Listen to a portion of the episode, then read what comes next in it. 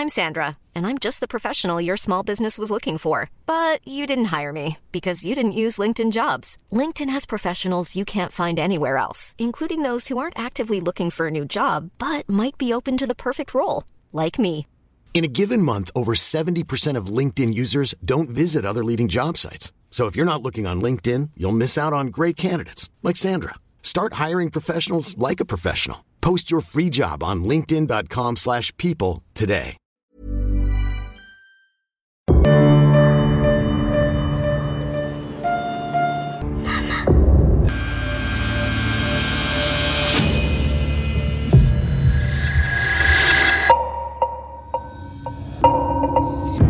Going to give the people what they want sensation, horror, shock. Send them out in the streets to tell their friends how wonderful it is to be scared to death.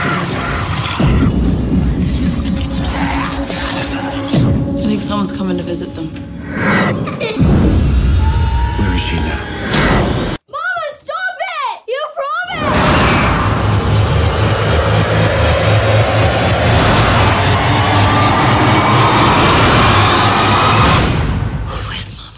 Hej, det här är Claudia och du lyssnar på Skräckfilmscirkeln. Välkommen till Skräckfilmscirkeln.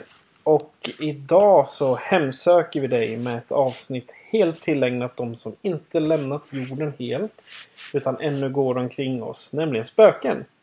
Din eh, skrämmande värld idag är jag, Patrik. Och svävande med mig har jag den spökligt ryslige skräckfilmsvärlden Fredrik Rosengren. Bu på dig! Nej, vad rädd jag blev. Tack för den inledningen. Ja, spökar hemma hos dig? Ja, det händer säkert. Om inte annat så är det jag som spökar omkring på, innan jag har fått mitt morgonkaffe här. Då går min osaliga ande omkring här och stönar och fräser. Eh, Men när koffeinet eh, väl har kommit in, ja då exorceras den onda anden ut. Ja, det låter ju utmärkt. Eh, Jag tänkte, du bor ju ändå i ett rätt så gammalt hus. Om det kanske är lite knak och, knakar och sprakar. Och... Ja, nej, det, det, jag tror mer huset mitt emot mig. Det är, så det, det är en stor villa. Jag bor ju i en lägenhet, men på andra sidan har en stor villa och den ser riktigt ut som en familjen Adams villa, om inte annat. Men eh, nere i min källare, för det här huset är byggt någon gång på 30-talet tror jag. Och då hade man ju gemensam dusch och badrum. Så det är så en riktig seriemördarkällare. Jag känner att typ slutet på När lammen tystnar hade nog kunnat utspela sig i min källare, tror jag. I'm sorry Clarice, I have to quit. I'm having a friend for dinner. ja, jag, bor, jag bor på landet i ett eh, gammalt, gam, gam, eller gammalt, eh, det är välrustat huset i alla Mhm. fall. Men eh, här ute kan jag säga, det är en gammal hästgård som har brunnit ner. Så jag kan, jag, jag, jag kan mycket väl tänka mig att det finns någon form av spöken här nere. Och sen alla gamla gårdar runt om förstås. Ja, jag, vet inte, jag har arbetat på mm, teatern här i stan, Stora Teatern i Eskilstuna. Eh, och där, back in the days, alltså, där har man ju nu också en, eh, en scenmästare som det heter. Men förr i tiden, då bodde scenmästaren på eh, jag heter det, teatern. Och jag vet att en scenmästare som fanns på 1920 där någonstans. Han var hemskt olycklig och han tog sitt liv där på teatern. Han hängde sig så vitt jag vet. Men det var så där när jag stod garderobiär där. Eh, Så går så pratade vaktmästarna om där att där går liksom spöket utav den här scenmästaren omkring. Okej. Men det är tydligen ett väldigt snällt eh, spöke för han går omkring och liksom har koll på att man släcker och stänger som man ska tydligen. Men det är lite där, det kan ju bli ganska sent när man är på teatern så det, det är man ju där, ja det börjar närma sig midnatt och det är mörkt och lite murrigt, ja, ja då kan fantasin gå igång. Är han scenmästaren där och övervakar vad vi gör när vi håller på att låsa teatern eller inte? Ja men då låter det som att det är det här över, alltså, vakande spöket. Som att ja, men jag är här för att kolla till det. Sen flyger jag över till andra sidan under tiden. Och Han är där när ni jobbar i stort sett. Han är inte Jajamän. osalig ande. Utan, Han är ju inte det. Han verkar ganska nöjd ändå. Ja. Eh, Jag har varit lite småförkyld eh, den senaste veckan. Precis som du var när vi spelade in förra avsnittet. Mhm. Eh, Så jag har hunnit kolla på en del film. Skräckfilm. Damerna först höll jag på att säga. Men eh, vä- världarna först kan vi säga. Så Härligt, ja tack för det. vad har du tittat på? Jag har inte sett så mycket. Jag har, jag har arbetat desto mer. Men jag har sett en hel del eh, Star Trek här nu. Jag håller på att ta mig igenom The Next Generation här. Det, det är mitt lilla glädjepiller i den mörka värld vi lever i. Så jag, jag har haft ett Star Trek-maraton. Men jag så jag har bara sett en enda skräckfilm eh, under de här veckorna. Och det var remaken på Poltergeist som kom 2015 typ. Ja. Jag hade bara hört jättemycket negativt om den. Så jag gick in med väldigt låga förväntningar och varit väl lite positivt överraskad ändå. Eh, för jag måste verkligen säga att eh, skådespelet överraskade mig en hel del. För den fokuserar väldigt mycket mer på typ mellansonen i den här familjen. Han gör en väldigt bra rollprestation för att vara så ung som han är. Han är väl kanske typ 11-12 eller något sånt där. Eh, men eh, filmen i stort, den är onödig. Alltså det är en onödig remake. Man behöver den inte. Det fanns vissa grejer som var bra med den. Som sagt att det, filmen sedd ur mellansonens perspektiv. Man fick se lite i spökdimensionen som fanns där. eh, Som du inte fick i originalet då. Men annars nej. Den, den behövdes inte. Det var verkligen så här en genomsnittlig film. Och skulle jag behöva tvingas välja mellan de här två då skulle ju originalet väljas alla gånger före den här. Men jag är glad att jag har sett den och det finns betydligt värre remakes än remaken på Poltergeist. Så det är vad jag har sett. Ja, jag kan ju tänka mig att eh, som, som vi, vi tittar på väldigt, väldigt mycket skräckfilm. Att vi blir vä- väldigt kritiska också till de här eh, remakesen. Mhm. Eh, Som Dawn of the Dead det där. Det var ju remaken. Jag var jättekritisk till den. När Okej. jag såg den först. Mhm. Och sen har jag ju jämfört med originalfilmen då. Men ja, ja som vi sa då. Det är ju en väldigt, bra remake för att vara en remake. Ja, för det, den är sin egen film ändå. Exakt. Medan den här Poltergeist, det verkligen känns som att nu checkar den av. Men här var de stora scenerna i första filmen, eller originalfilmen, och nu kommer de i den här också. Det, det tycker jag är ganska slarvigt gjort. Medan typ Dawn of the Dead originalet kontra remake. Jag menar remaken använder samma plott, att de blir fast i vad heter det, det här köpcentret med massa zombies. Men det är i stort sett den enda liknelse som finns de två filmerna sinsemellan. Det, det är så han, alltså då, då vet man inte riktigt om det är en remake eller om det är en reboot. Mhm.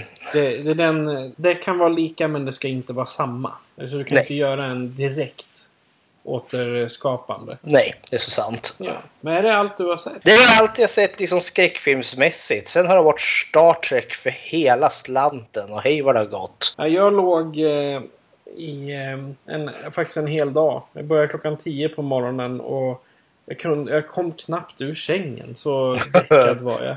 Kära Det- ja, men, sådana här som förklarar en extrem baksmälla. Mhm. Det var, det var typ så jag, jag, jag kände den dagen.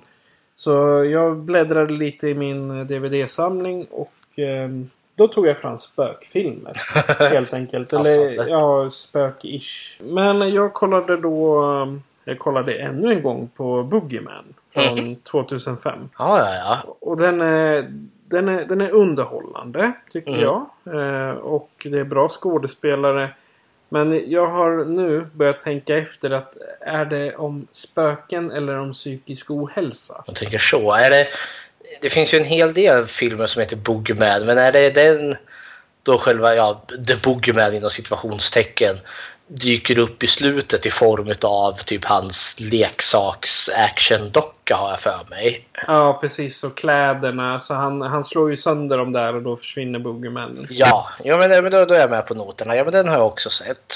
För som jag tolkar den så är det att han någon gång i sin barndom har fått eh, liksom fått sitt eh, leverne förstört. Alltså hans pappa kanske drog men i hans huvud så har han sett honom dragits in i en garderob och Boogeyman har tagit honom. Och eh, samma sak med eh, ja, alla de här eh, leksakerna. Att han är, för det kommer ju fram också att han, hans pappa stängde in han i garderoben då. Ja. Och eftersom, det, det är lite som det här The Haunting of Brian Beckett. Mhm. Att det är egentligen flashbacks han får. Så att själva eh, garderoben egentligen symboliserar hans cellskräck som är framkallat av hans pappa. Mhm. Eh, Pappas försvinnande eller att han drog eller något sånt där. Och, och The Boogeyman i sig är liksom som ett barns försvarsmekanismer. För det är enklare att beskylla ett monster än den dystra verklighet. Att Exakt. hans pappa var en hemsk människa. Precis, det, det, det är där jag, jag, jag skulle gissa på att den Boogeymanen får vara hans, eh, liksom, hans skräck. För att bli eh, ja, lämnad eller eh, cellskräcken eller någonting. Och sen för, nu, nu, nu ska jag inte spoila den för mycket men det är i slutet. Det, det är då man verkligen kommer fram till att men han har ju något fel i skallen. Jag kommer ihåg jag tyckte den var helt okej. Det kom en film nummer två och en film nummer tre där också. Ja, tvåan kom 2007. Ja, de känns inte som att, de, att det ska vara en trilogi överhuvudtaget. För film nummer två och tre känns som att det var helt fristående filmer. Och det enda sättet de fick dem gjorda var om man slängde på något, någon form av koppling till första Boogeyman-filmen. För jag tycker att de har noll koppling överhuvudtaget. Ja, ja, men du har rätt. I tre, tredje filmen handlar ju om någon college-student. Och, Något argt spöke som mördar dem där en efter en. Och vad fan, Film nummer två, det är ju en klassisk slasherfilm. Någon maskbeklädd mördare som knivar ihjäl folk och kopplingen är att när han var barn då vart han skrämd utav The Boogeyman. Oh, oh, oh. Det har ingenting med första filmen att göra. ja, men, men jag, jag kan tänka mig att det är många som har använt eh, Boogeyman som en ursäkt till det de gör. Mhm. Jag säger som... Eh, Ja, var är dina skor? Boogeyman tog dem. Fast man egentligen har tappat bort dem eller något sånt där. Ja, ja men den, den var underhållande. Och sen eh, så... eh, Förra gången så hade jag kollat på Fredag den 13, första filmen. Och nu så bestämde jag mig för att hoppa fram 11 filmer och se remaken. Ja. Eh, med Jared Padalecki, Daniel Panabaker. Det var väldigt många stora namn. De var inte så stora då, men nu. Numera är de ju stora som ja, några utav dem. eh, Eh, det är ju, och fördelen med den här remaken att det är inte en, alltså en omgjord Fredag den 13 del 1. Utan det här är liksom the next generation efter Fredag den 13. De ger sig ut i, i början så ger de sig ut i skogen för att hitta något eh, haschplantage som det ryktas om. Och, så, och då kommer ju givetvis Jason och inte Pamela Voorhees. Mm. Ja, för det kapitlet är liksom redan avklarat. Exakt. För det, det här är verkligen som en ny start. Den här ignorerar alla andra filmer som att det här är film nummer ett. Eh, Fast de berättar i början att ja, för x antal år så vart eh, mamma vart galen och mördade alla. Och så har det, ha, då har liksom Jason blivit en eh, vandringssägen eller en eh, lägereldshistoria för folk som är ute där. Och, ungefär som i, eh, vad heter det, Never Hike Alone. Mhm. För Jason är ju även där bara en vandringssägen. Jajamensan. Så att, och nu då så kommer han ju verkligen. Mm. Och knivar ihjäl eller machetar ihjäl dem en efter en. Ja, fast förutom då eh, Clay Miller som han heter, eller Jared Padalecki. Padalecki. Eh, känd från Supernatural mest kanske man ska säga. Eh, det är han som spelar eh, Dean. Mhm. Ena brodern. Jajamensan. Eh, och hans, han kommer dit en månad efter introt. Och letar efter sin syster. Mhm. Och henne har Jason lågt, låst in. Ja, hon, var, hon är ju så lik hans mamma är det väl. Ja, och sen har hon hans mammas halsband. Det är därför han tror att det är hon.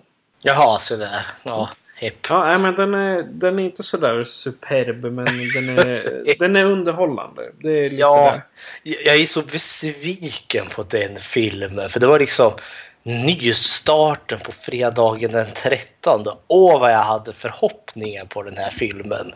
Och så var den bara så trött tyckte jag. Alltså det, ja visst, fredagen den 13 bygger ju liksom på upprepning. Det är ju samma berättelse hela tiden. Liksom Jason mördar ett nytt antal ungdomar som har råkat komma i närheten av Camp Crystal Lake där. Men jag vet inte, den här saknade charm och framför allt tyckte jag att alla de här ungdomarna, alla personerna där som senare blev mördade av Jason.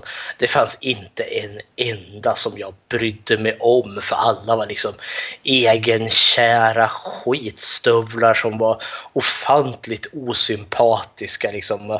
Jag kunde inte ens bry mig en sekund när, liksom, när Jason dök upp och liksom bara kniva ihjäl dem. För morden är ganska groteska i den filmen ändå. Ja, det, jag kollade på lite behind the scenes också. Och det är ju folk som gjorde den första filmen, alltså Mhm. originalet. Det är ju folk som var med där som har varit inne i remaken och påverkat lite och sådär. Ja, Det fanns ju vissa grejer som var kul, exempelvis som att Jason har en eh, typ potatissäck över huvudet i första, där med de här kidsen som letar efter majaplantorna. Och Mm. att han typ kanske en halvtimme in i filmen plötsligt hittar den där hockeymasken. Det, det, det var ju lite kul. Det, det, det saknar man i de gamla filmerna. Hur, han, hur, hur, blev han hockeymaskmördare? Mhm. Ja, men alltså det är ju något jag störde, det var så mycket med den filmen som störde mig på. eh, exempelvis en sak, jag såg om den här tillsammans med min syster och hennes sambo. och han kommenterade liksom, jaha, Jason alltså bott som barn där då i skogarna i Camp Crystal Lake. Hur blev han så stor? Alltså för han är ju, eh, lång kan man ju vara, men han är ju liksom bred som en bodybuilder. Alltså han ser ut som en wrestlare i kroppen ungefär. Alltså, och det noterar jag också. Så, ja, jo. Eh, och det är också så en design på Jason som jag aldrig riktigt gillat. För i de gamla filmerna han har alltid varit stor. Alltså han har alltid varit lång och ganska bred. Men han har inte varit så här sveller utan muskler som att han har liksom Nej. rojdat nere på gymmet tillsammans med Arnold Schwarzenegger. Nej, Jason ska vara stor, man behöver inte liksom vara muskelknutte. För jag undrar liksom, mördade han någon lastbilschaufför som körde dit med något parti proteinpulver och så åt det eller vadå? Ja, men jag, jag tror att eh, när de castade Derek Mears Mhm. som Jason där. Så jag, jag tror de castade honom mer på, ansikt, på hans ansikte. För han är väldigt smal och med kal hjässa och lite ägghuvud eller vad man ska säga. Jag tror inte de tänkte så mycket på kroppsformen utan det var mer att det var lätt att sminka honom till den här deformerade ungen. Mhm. Ja, sak samma. Nej, re- den var en misslyckad reboot. Den får tummen ner utav mig. Usch! Eh, sen då sist, näst sist var, kollade jag på en eh, film som jag hittade på en loppis. Population 436 heter den. Och det är eh, en film ifrån 2006, eh, direkt till video. Det låter som en zombiefilm, tycker jag. Nej, faktiskt inte. Det, jag, jag trodde det däremot. Men eh, här är alltså ska vi se, David Ames. Han är någon form av agent för, eller agent, re, representant för folkbokföringen i USA. Mhm. Så han åker till en liten stad. Eh, som han... Eh, Rockwell Falls heter staden. Som, eh, så han ska åka dit och kolla liksom. Ja, eh, de har varit 436 invånare i alla tider. Jaha. Hur kommer det sig? Och det, det står ju på DVD-omslaget att eh, Rockwell Falls är staden du inte kommer ifrån levande. Aha. Så att i staden så är det alltså den är rena rama kulten. Ja, ja, ja. När det kommer dit en person Då måste en dö. Jaha. För då, då, är det är någonting några hö- högt uppsatta gubbar har hittat på. Det är Guds ord. Jaha. Han har sagt att vi bara får vara 436. Jaha, så där. Ja, så, fort, så att så fort det kommer in någon ny. Då har de en stor marknad och fest. Och så hänger de en av eh, en eh, utav eh, invånarna som de drar på. Kära någon. Det var helt sjukt. Den var inte så här superbt bra. För den har jättedåliga betyg på IMDB. Den har bara 5,8. Men eh, ja, det är högt för den här sk- skruttfilmen. Men det, som sagt, den var underhållande i mina feberbrännande ögon. Så. Men det, det, nu har jag sett filmen och den var, den var rätt intressant. Härligt. Alltså gillar man kulter är ju det en av filmerna man, man ska se. I alla fall om man vill ha lite lätt att titta på. Liksom. Det låter, låter underligt. Det har gått mig helt förbi. Måste jag villigt erkänna. Det är väl något att snoka upp vid någon regnig kväll där. Exakt. Eh, sen har jag eh, setat på Netflix och kollat på en av mina favoritserier. Och det är iZombie. Okej. Eh, och den är, den är fantastiskt underhållande. Och där är ju zombierna är ju inte riktigt, vad ska man säga, zombies. Utan det är mera folk som har blivit, eh, ja de har blivit på något sätt smittade utav eh, andra zombies. Genom att bli rivna. Och så nu i, när, där jag är, jag är på säsong tre. Och nu så, zombierna är ju intelligenta i det här. Jaha, så Så där. är huvudrolls, den som är huvudrollsinnehavare, Rose McIver. Hon eh, håller på att studera så är hon på en fest. Och det är första avsnittet. Och när, när hon kommer därifrån så vaknar hon upp i en liksäck. Jaha. Och hon, eh, hon är inte hungrig. Hon känner inte smak. Hon vill bara ha en sak. Mhm. Gärna. Oj då. Så hon löser ju det här genom att få jobb på bårhus. Mhm, Så där. Ja, och sen händer det mycket och det, den är väl, väldigt underhållande faktiskt. Så det, det är något jag rekommenderar till eh, oss zombiefans. Den låter mer humoristisk om man, kon- om man jämför med något som The Walking Dead. ja, ja, herregud. Det här är ju mera komedi. Ja, okej. Men hon samarbetar med en polis Mhm. som vet att hon är en zombie. Jaha. Ja, nej, men det, det är en sån här grej man kan ha. Jag hade den på när jag satt och jobbade vid datorn. Liksom.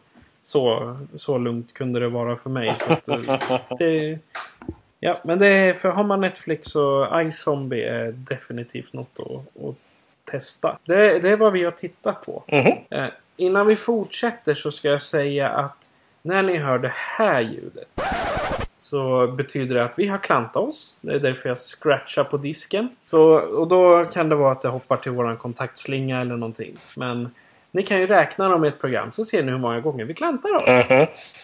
Och ibland är det inte vi som klantar oss utan det är ju tekniken som är emot oss. Exakt. Mhm. Japp, eh, vi tar ju en eh, topp tre med spökfilmer. Jajamensan. Min nummer tre är då The Haunting of Brian Beckett som kom 2009. Eh, Det var faktiskt en av våra cirkeldeltagare som tog upp den här filmen på en av eh, våra på skräckfilmscirkelträffen. Den här överraskade mig för det, det är väl en sån här direkt till DVD-film från Kanada tror jag att den är gjord. Och den här underhöll mig på ett sätt eh, alltså, det var en spökfilm men det var inte alls vad jag förväntade mig av den. För det handlar ju om Brian Beckett, en liksom fullständigt lysande men ganska hänsynslös affärsman som eh, ska sälja, jag kommer inte ihåg vad, jag tror han ska sälja ett hus och kommer tillbaka eh, till sin gamla hemstad där där han bodde tillsammans med sin mamma har jag för mig. Och hon är ju död sedan länge. Eh, så han flyttar in i sitt gamla Eh, barndomshem som han kan behöva nu när han ska eh, sälja hus där i området. Men så börjar han ju se konstiga saker. Det knackar och det slamrar i dörrar och man hör fotsteg och allt som hör en klassisk spökfilm till. Men sen är det ju lite mer alltså. Det, eh, äktenskapet knakar ganska hårt och det, det förflutna börjar komma ifatt honom. Eh, och det var det som överraskade mig med den här. Liksom, är det här faktiskt en spökfilm? Eller handlar det egentligen om barndomstrauma? Eller är det både och? Eh, och jag tycker den här filmen är så bra så jag uppmanar folk att eh, ja, söka upp den. Så jag tänker inte spoila hur den slutar. Nej, det, det tycker inte jag heller. För jag, jag vet, vi hade väl den vid ett tillfälle till och med. Mm. Med, med, med tillhörande föreläsning. Jajamensan. Så det, nej men det, jag kan varmt rekommendera The Haunting of Brian Beckett. Det var en riktigt överraskande litet karaktärsdrama med spöken i. Eller inte. Eh, ja, och min topp tre. eh, Den börjar med eh, Babadook Mm. på, nummer, på nummer tredje plats. Och där är det, det är en sån här sak att är det en är det ett spöke eller eh, är det mammans eh, huvud som det spökar i? Men eh, den är obehaglig som tusan den filmen och det gillar jag. Gud ja. Den hade vi, ja, den hade vi också på en, eh, på en, en tillfälle med skräckfilm. Jajamensan, det har vi haft. När vi hade... Jag kommer inte ihåg, vad hade vi för tema? Oj, hjälp! Jag tror det var tema typ Australien eller något sånt där. För jag har för mig att den är gjord i Australien. Eller om det var... Oj, shit, nu kommer jag inte ihåg. Ja, vi säger att det var tema Australien, för jag tror... Ja, den är gjord i Australien. Ja, för den, eh, det börjar med att hon läser, eller ja, det börjar ju inte, men eh, själva Babadook kommer ju fram efter att mamman har läst en bok om Mhm. The Babadook. Dok. Mhm, Och, ja, jag tyckte den var så obehaglig att den var bra. mhm. Ja, men gud, ja, det är en av de bättre skräckfilmer som har gjorts de senaste fem åren. Ja, och jag menar, det är, det är inte ofta som jag blir liksom att det ryser i mig av en film. Mhm. Det är väldigt, väldigt sällan. Men Babadook tog mig verkligen tog mig på sängen men eh, chockerade mig. Mhm. För den var betydligt mer läskig än vad jag, vad jag hade eller vad, vad jag trodde. För Mhm. jag trodde den skulle vara lite som Hellraiser. Ja, ja. Någon sån där. Och den är ju väldigt lik typ The Haunting of Brian Beckett också för den spelar ju precis på det temat också. Är det hon som... Är de verkligen hemsökta utav det här spöket eller monstret The Babadook eller är det bara huvudpersonen som har gått in i en psykos? Ja, exakt. Det, det, det, det var pre- precis som, som du tänkte. Vi hade Mm. nog samma tankar där med, med Babadook och Brian Beckett. Att, Jajamän. liksom, är, det, är det psy- psykisk ohälsa eller är det verkligen något övernaturligt? Japp, vad är din nummer två? Min nummer två är då The Ring. Och då är det då originalet från Japan som gjordes 1998. Ringu tror jag är originaltiteln. Det är ju den filmen som kan man säga startar i det J-horror-universumet. Och det är då J-horror, japansk horror, skräck då. Den här såg jag långt innan den amerikanska remaken dök upp. Eh, och jag bodde fortfarande hemma och jag liksom, kan inte påstå att jag haft någon liksom, sån relation till liksom, asiatiska skräckfilmer. Som tonåring såg jag väldigt mycket italienska och spanska skräckfilmer. Eh, och amerikanska och brittiska då såklart. Men Japan det var liksom ett oprövat eh, del. Eh, så jag visste inte riktigt vad jag förväntade mig när jag såg den här. Men det var också så här, den är, den är jättelångsam i sitt tempo. Eh, frustrerande långsamt till och med. Men den lyckas skapa en stämning eh, som är helt otrolig. Och att, för det är ju det där då, det finns ju ett VHS-kassettband. Och tittar du på det, vilket är en sån märklig samling bilder, så ringer det plötsligt i telefon efter att det här videoklippet har tagit slut. Och så lyfter du på luren och i, på andra sidan hör, eh, telefonen så hör du en röst som säger seven days, sju dagar. Och efter de där sju dagarna eh, så dör du rätt och slätt. Du blir skrämd till döds. Eh, och så får man följa någon, jag vet inte om hon är journalist eller vad hon är. En eh, frånskild kvinna. Eh, hon har då sin, eh, ja vad kan det vara, en fyraårig son eller något sånt där. Och hon håller ju på att undersöka liksom dödsfallet hos sitt gäng tonåringar. De har väl haft någon fest någonstans och sen har alla sett den här liksom bandet och så har de bara dött. alla samtidigt. På, och hem liksom hittades med det här groteska utseendet på ansiktet. Där. De fryser liksom i någon form av skräckdödsmask. Eh, och så hittar hon ju bandet, olyckligt ser den och så börjar hon liksom nysta i den här berättelsen och ta hjälp av sin exmake. Eh, och ja, den, den är bara spännande, jättespännande. Och så framförallt i slutet när spöket, för det är ju ett spöke trots allt här, kommer ut ur tv-skärmen. Jag visste knappt jag skulle ta vägen när jag såg den första mm. gången. Ja, men det, den var så kuslig och eh, så skrämmande. Jag, vet inte, jag försökte visa den för alla mina vänner men de tyckte den var skittråkig. jag kände mig så utanför. Men jag tycker originalet The Ring, Ringu från 98 är en helt superb liten spökfilm. Ja, och min nummer två det är The Gathering mm. från 2004. Eh, men där så är det, har jag lite, eh, med, med lite reservation, det är typ spöken. Ja, jag skulle nog när du sa The Gathering så tänkte jag, ja, är det spöken eller inte? Och dividera i mitt lilla huvud där. Ja, men jo, men de är nog spöken ändå. Ja, spöken eller så är de någon form av eh, demoner. För det är ju, alltså, själva handlingen är att i en, i en stad så börjar det komma massa folk gående. Mm -hmm. Och så är det en tjej som blir påkörd. Eh, det är Kristina Rico som spelar henne. Och hon tappar minnet. Mm. Och hon vet inte var, varför hon hamnat där, vad hon skulle dit och göra. Men eh, det är, nu så spoilar man ju tyvärr nästan hela filmen om man berättar varför de går dit. Ja, jo. Det, Men eh, det är sak samma. Mm. Eh, det fanns ju en grupp eh, människor typ som tittade på när var det inte när Jesus korsfästes? Jo. Ja, och det är den gruppen som samlas på olika ställen. Mm.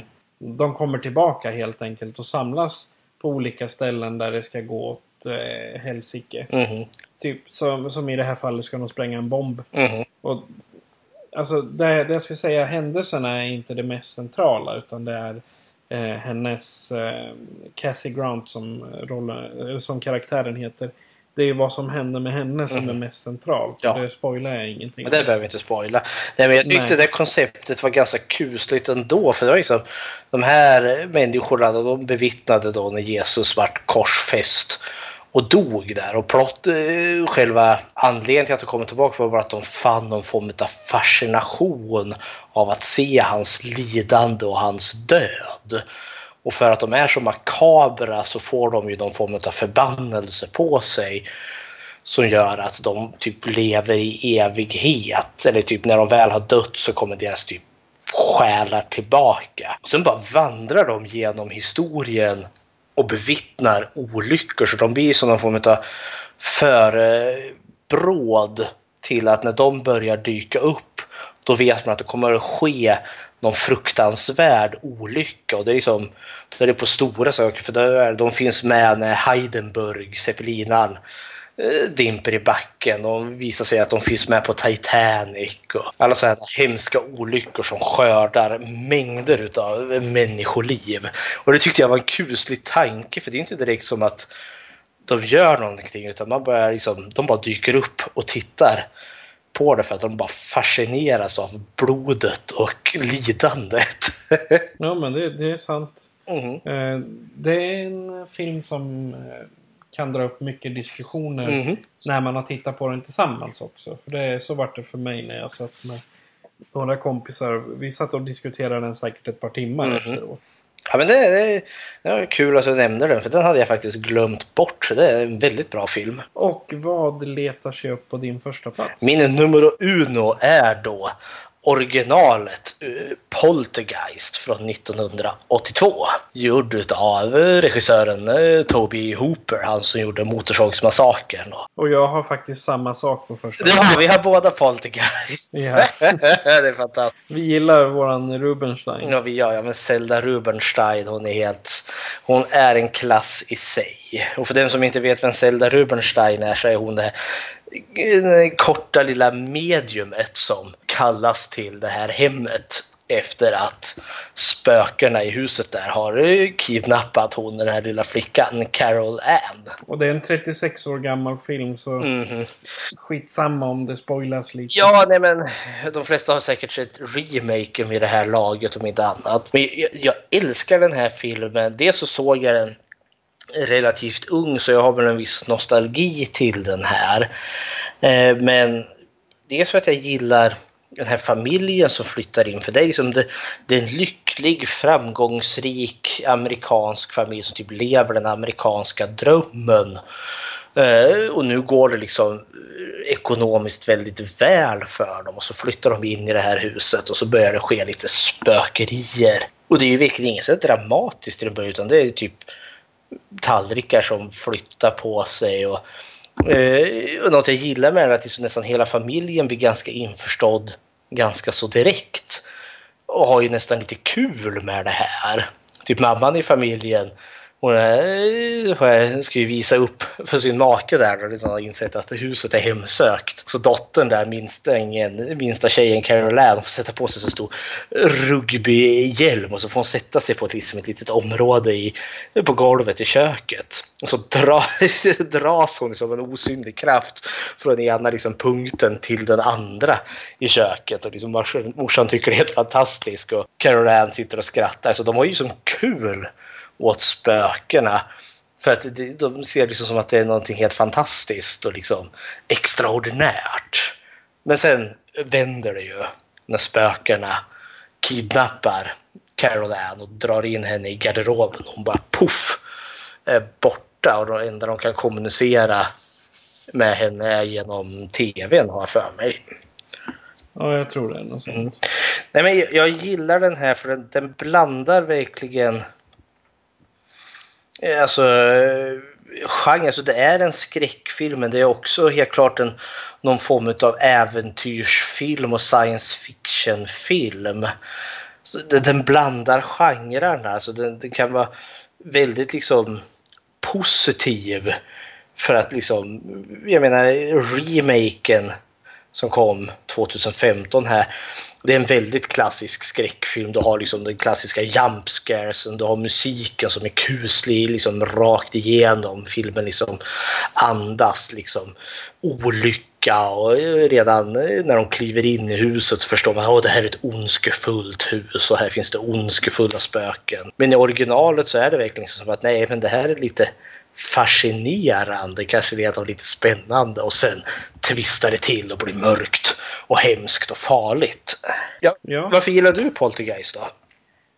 Alltså jag gillar den mest på grund av eh, Zelda Rubinstein. Och sen just Poltergeist. För där är det verkligen ett ont spöke. Som... Det, alltså det, det, det klassiska skräckfilmsspöket. Jajamän. Så det är verkligen, de vill, det vill familjen illa. Mhm. Och den, den vill inte att liksom, ja men jag vakar över er. Hell no!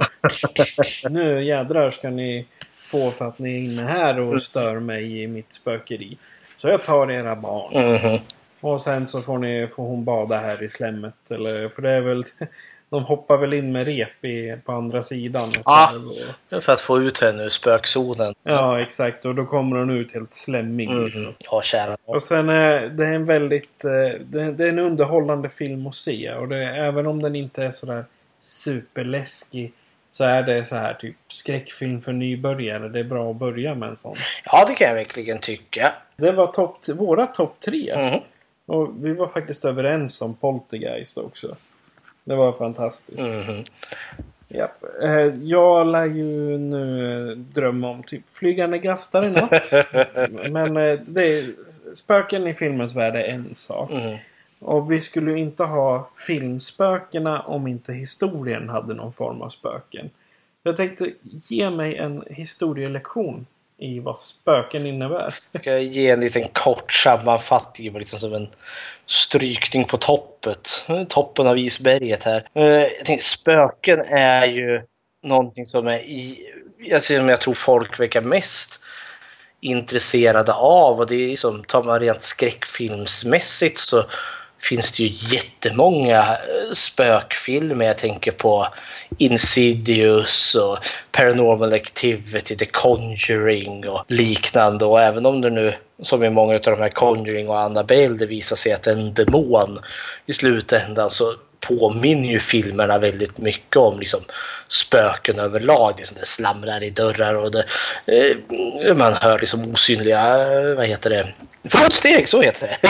Så det, spöken är ju liksom populärt och det har ju liksom de här det okända, typ spökjägarna, the ghost hunters och allt liksom folk som åker till olika ställen och letar spöken och creepypodden och hela konkarongen. Men eh, det är ju våra moderna spöken. Eh, och hur började det då? Eh, och spökena, precis som vampyren och demonen här, har liksom kan man spåra tillbaka igen till Mesopotamien. Allting, allt ont kommer från Mesopotamien, verkar det som. Eh, och det är som sagt civilisationens vagg vecka.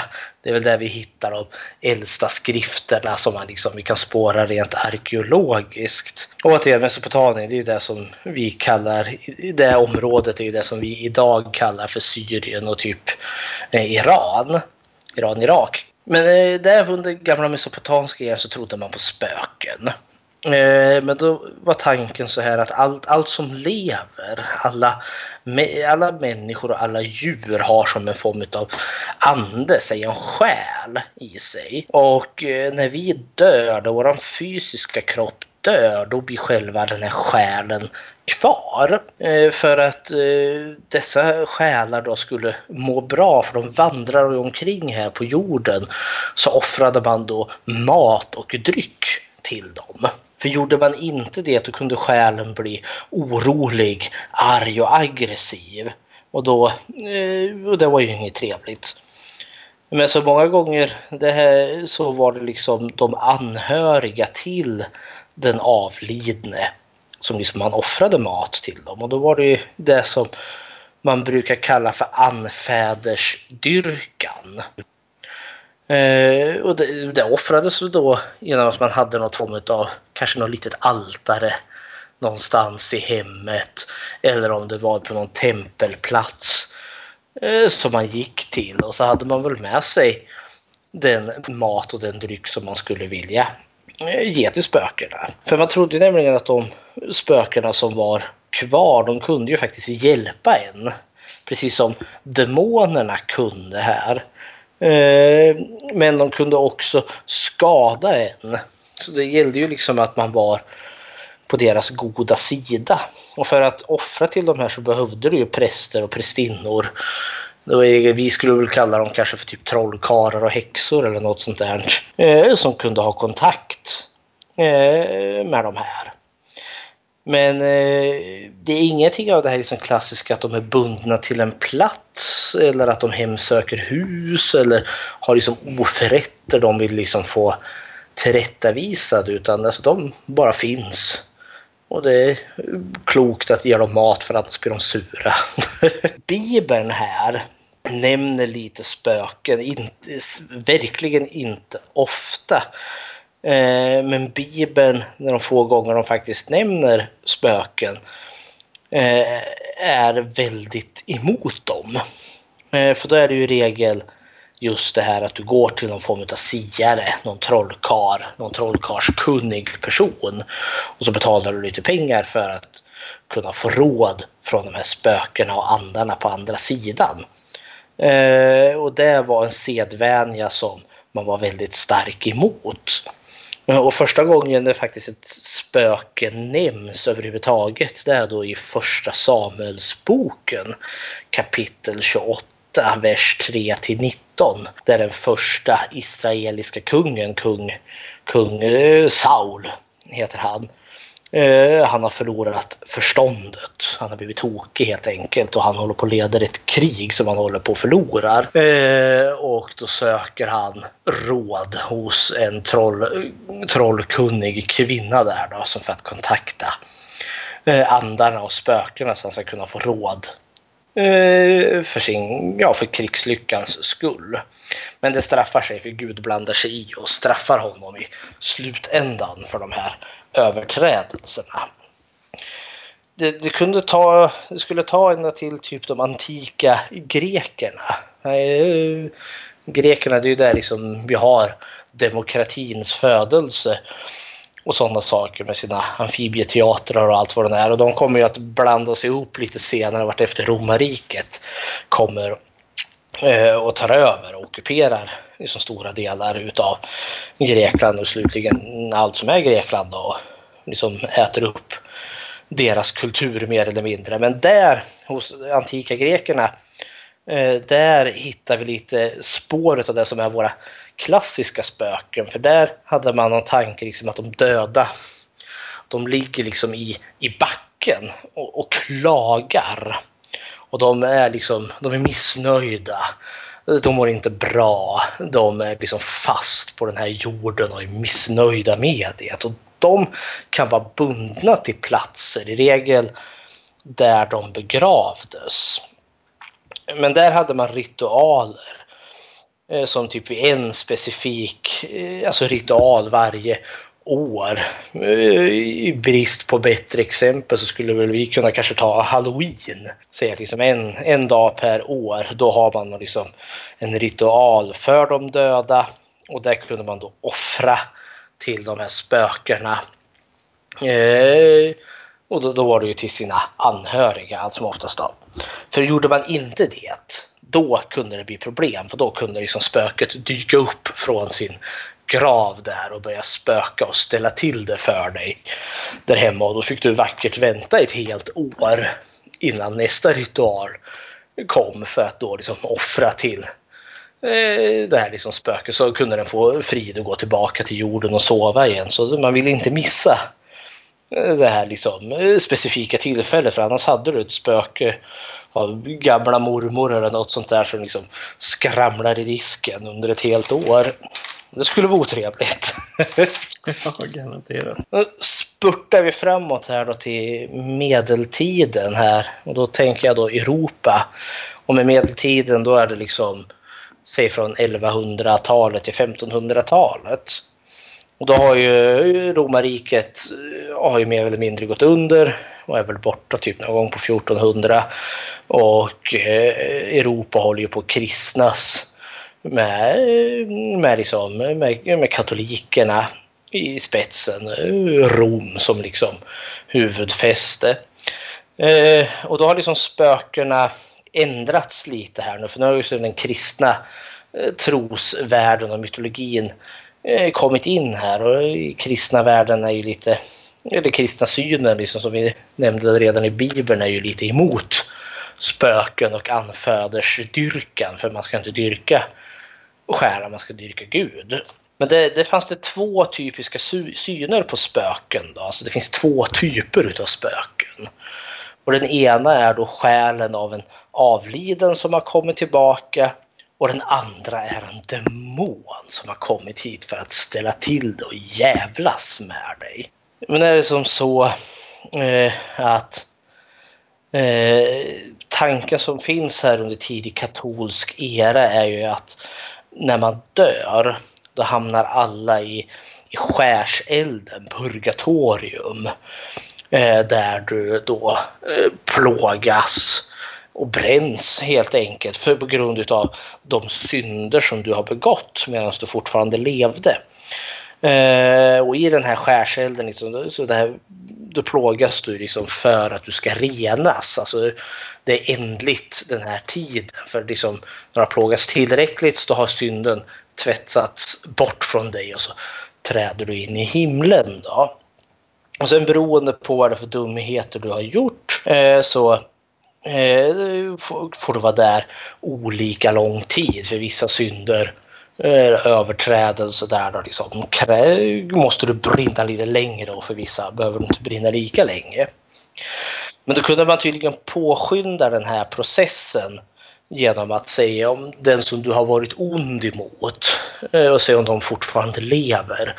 Då kanske man kunde uppenbara sig för de här personerna eh, Eh, och liksom eh, be om deras förlåtelse så kunde de gå och liksom till kyrkan där då och liksom ge ja, offer. Nu är det ju inte djuroffer utan nu är det ju liksom snarare donationer till kyrkan och framförallt böner där då under gudstjänster och liknande för att eh, förkorta den här tiden i skärselden. Och det var ju det, det var ju två olika, det fanns ju själarna utav de som har dött och demoner som typ förklär sig. Och då att kunna se skillnaden på de här, det är ju då att när spöket dyker upp då eh, ber man den helt enkelt bara i Jesu namn vad spöket vill.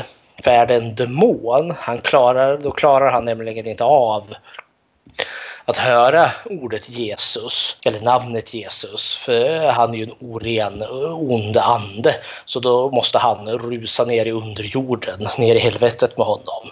Medan spöket däremot skulle då avslöja eh, då kan spöket kommunicera med det. Då kan han säga jo, jag är här för att be om förlåtelse och sådana saker. Så eh, synen här var det som spöken kunde både vara i fysisk form eller så kunde de vara det här klassiska genomskinliga spöket som kunde gå genom väggarna. Det finns här, eh, sagor eller berättelser om eh, personer som, som håller på att ligga inför döden, håller på att dö, som har sammankallat sig en Eh, Eh, en präst då för att kunna få sista smörjelsen så att du ska kunna eh, ge din eh, bekännelse där på dödsbädden och då finns det vissa berättelser där då personen faktiskt har dött. Men prästen kommer ju dit ändå personen liksom finns ju där liksom. Ögonen är öppna och kan fortfarande prata liksom där och det är liksom ett spöke fast i fysisk form då. Och eh, får inte frid förrän de får bekänna sina synder Eh, till prästen där och så ger de sin syndernas förlåtelse och så kan kroppen lägga sig ner och själen kan vandra vidare.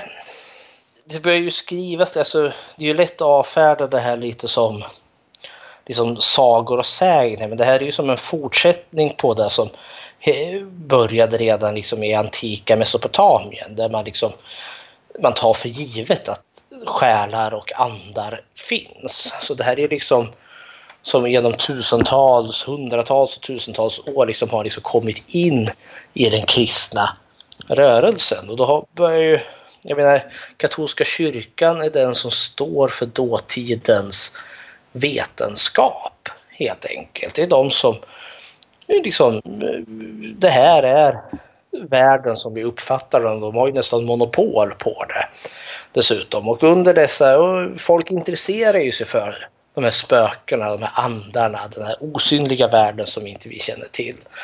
Och i detta så bildas det ju det som vi skulle kalla för okultism och typ nekromanti. Eh, och det är ju liksom, det är bara hur man forskar liksom i spökerier och sådana saker. Och det, I och med när Luther dyker upp och slänger upp sina teser där på kyrkporten i Wittenberg eh, och bryter lite Eh, den katolska kyrkans dominans eh, så får vi liksom en kyrklig eh, reformation men sen får du också upplysningen och det är liksom det som där folk börjar kasta av sig oket av den här påtvingade religionen.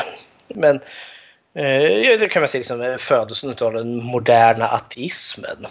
Men där är man ju också intresserad utav spöken och eh, okultism och häxkraft och allt vad det är. Men så under, under eh, nu är vi uppe i typ mitten på 1800-talet så vi reser på här. Det är då liksom eh, spiritismen skapas. Och spiritismen kan verkligen ses som en avart inom kristendomen som tar verkligen liksom stor fasta på det här med, med den fysiska kroppen och sen den här typ andliga själen som man inte kan se eller ta på. För de är fortfarande kristna i grund och botten, de tror på Gud och Jesus hela konkarongen, men de sätter jättestor vikt på just själen. Eh, och den här uppstår, utvecklas verkligen i Amerika under 1840-talet där. Och blir liksom som en egen gren alltså inom, inom den kristna kyrkan ända fram till typ 1920 någonstans. Det var verkligen, alltså de, man säger att spiritualismen hade verkligen sin peak där 1897.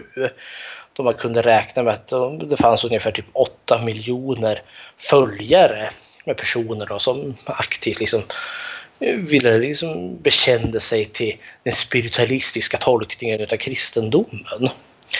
Eh, och spiritualismen, där har du verkligen det som typ myntar våra moderna spöken. För det här kommer ju med tiden att sprida sig över till England och ja, till, till våra länder, länder då.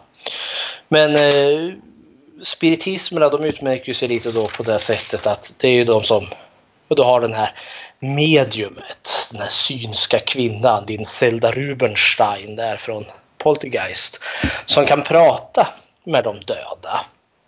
Man har seanser och liknande. Eh, det är mycket så det är mycket där liksom, tankarna kommer in. Så när du har kontakt med de döda då, då blir rummet kallt och det, de frigör så mycket energi så dörrar smälls och ljussken från ingenstans dyker upp. Och man kan kommunicera med de döda genom att lägga ut en bräda med massa ord på. Och så håller du fingret på ett litet glas och så liksom eh, leder anden glaset till den bokstav eh, och bildar de ord som eh, och meningar som den försöker kommunicera med. Och det, är, det är ju ett klassiskt häxbräde, ett ouija-bräde som senare kommer till. Och det här höll på, eh, ja det höll ju på en bra tag. Liksom, det, det vart stort och liksom, det vart ju så att dåtidens vetenskap var liksom tvungen att förhålla sig till det här. Stämmer detta eller är det bara kvacksalveri allting. Men jag tänkte jag skulle nämna några lite eh, berömda spiritualister, några personer här då som eh, har dykt upp inom spiritualismen. Och en överraskande för jag hittade en svensk gubbe som antagligen inte alls skulle bli glad att bli kallad för en spiritualist. Men det var Emanuel Swedenborg. Och han levde 1688 till 1772. Alltså han, är ju, han levde och dog ju innan den spiritualistiska rörelsen ens kom till. Men Swedenborg där då, han, när han var 50 någon gång där då, fick eh, stora, han fick en vision där Jesus uppenbarade sig för honom och visade honom andevärlden helt enkelt. Eh, där han då fick möta just själar, änglar och demoner och fick prata med dem om den här liksom spökvärlden. Och det har han då skrivit i, sitt, i sin bok Apokalypsen förklarad, heter den, som han skrev 1766. Eh, Dock så är han där, han är väldigt emot att kontakta eh, andarna för det är farligt. Jag menar Swedenborg hade åtminstone Jesus som guide som kunde skydda honom från de farliga eh, andarna och demonerna där. Men han, sätter liksom, han är helt övertygad om att det finns en spökvärld, alltså en värld där våra själar hamnar och andra övernaturliga ting. Så finns det en fransk eh, man som heter Allan Kardec, eller Kardec. Och han är en sån där alltså under den här tidiga alltså spiritualistiska rörelsen som kom typ 1840 där någonstans så är den ganska spretig ändå och han eh, viger sin livgärning till att typ försöka sammanställa de här olika tankarna till liksom ett samlat liksom, akademiskt verk. Eh, och det kallas då för The Spirit Book som han då sammanställer 1857. Så han är liksom han lägger grunden för det som blir den spiritualistiska rörelsen. Och sen har vi då eh, på slutet här systrarna Fox. Eh, Catherine Fox, Margareta Fox och Lea Fox. Eh, de levde mellan 1838 till 1893. Och de är väl de som verkligen sätter tonen. De gör det här populärt. De ska nämligen ha bott, de bor i, bodde i New York då. Och 1848 så ska de här systrarna eh, ha lagt märke till att de hörde konstiga ljud i sitt hus. Det skramlade och det lät. Det var de som sprang upp och ner i, i trappen men man kunde inte se. Man kunde plötsligt bli kall. Eh, liksom, eh, så man kunde se sin andedräkt och konstiga stön om nätterna. Så de, eh, de kände liksom att det, det är någonting här i huset. Så då började de göra olika seanser för att försöka för kontakta det här som eh, stånkade och stönade och slamrade och hade sig i deras hus. Och det visar sig att de kommer i kontakt med ett spöket till en mördad köpman som en gång i tiden bodde i det här huset före dem. Som har ja, varit mördad utav illsinniga fiender och begravd i källaren. Och det lustiga var att det mycket riktigt fanns ett skelett i källaren när man grävde upp detta. För de kontaktade ju såklart eh, dåtidens eh, tidningar, media. Och det vart ju, och så över en natt vart ju de berömda. Eh, för att de kunde kommunicera med spöket här då och liksom ge han frid. Det var ju stor sensation. Och detta kunde ju de börja livnära sig på. Så de åkte ju runt till de vart ju kontaktade utav folk. Så ja, men det, det spökar nog i mitt hus också. Kan ni komma dit? Och ja, det kan de ju mot betalning såklart. Så de, gör sig liksom ett namn där de far runt och de, de kan liksom kommunicera. Det är de som börjar med de här seanserna. Man ska hålla varandra i handen. De här cirklarna av salt. Eh, de liksom, det knackar i bordet. Oh, det är spökena som försöker kommunicera. Eh, och det är de som har lite av de här brädan, liksom det som är ouija-brädet och sådana saker. Och eh, det är de som inför det här också, att de kan eh, kalla in spöket i sin egen kropp. Så att spöket typ besätter kroppen och så kan den tala genom mediumet. Det var ju många som hade förlorat nära och kära och anhöriga som kontaktade dem för att kunna få höra sin älskades röst en gång till och sådana saker. Men eh, redan på den här tiden så eh, var ju de här, det fanns mycket skepticism till allt vad spiritualism heter och de här medierna. Och självklart vart de här tre systrarna anklagade för att just vara charlataner, bluffmakare. Eh, och i slutändan så tror jag ena syrran tröttnade på det här och sa nej men det vill jag inte ha med det här att göra och tog sitt pick och pack och stack och började något liv någon annanstans. Och de andra systrarna körde väl på men med tiden så Eh, börjar man väl inte längre riktigt tro på det här och misstänka att de är bluffmakare. Så de dog ganska fattiga. Men som sagt, vetenskapen var ju tvungen att försöka förhålla sig till detta. Eh, och det tycker jag är lite spännande för det finns verkligen alltså, akademiska verk som försöker förklara det här.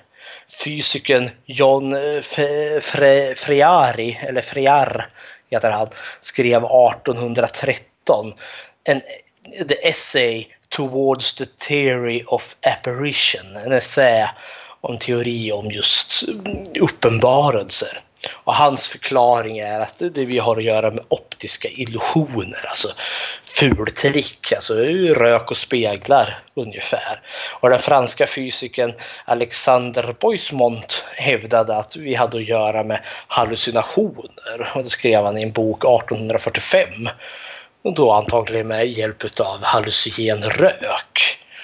Och David Turner, en kemist, han menade att det var med hjälp av typ ström med elektricitet eller med magneter så kunde man få typ livrös, livlösa föremål att röra på sig. Det är därför typ lampan kan flyga iväg och sådana saker. Ja, kära någon. Men eh, det är liksom 1800-talet och jag jag måste erkänna att eh, vi har myrorna här i stan och de har som en egen liten hylla för just eh, religion. Eh, så här begagnade böcker som de får in. Och jag är så, så arg på mig själv för jag kommer ihåg att jag hittade en bok där skriven någon gång 1920 eller 1930 utav då någon präst inom Svenska kyrkan och det var verkligen en motbok mot spiritualismen. Så man var tvungen att liksom göra liksom ett kraftigt liksom avstamp. Att, nej, det här går verkligen inte att tro på. Det här går emot den kristna kyrkan. Jag köpte den aldrig för jag tyckte att nej usch, det här orkar jag inte läsa. Nu idag så känner jag att det skulle vara jättespännande att ha haft den där boken. Men ja.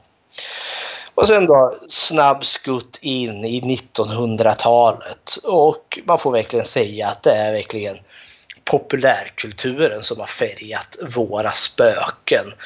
Eh, och de har tagit väldigt mycket från den spiritualistiska rörelsen under 1800-talet. Och det är typ ja, men, böcker som typ Charles Dickens julsaga där han, Ebenezer Scrooge blir, möter eh, de här eh, spökena från dåtida jular, nutida jular och framtida jular. Eh, där spökena liksom kan dyka upp, ja, som i Charles Dickens julsaga som ett varnande exempel för att försöka få Ebenezer Scrooge att bli bättre.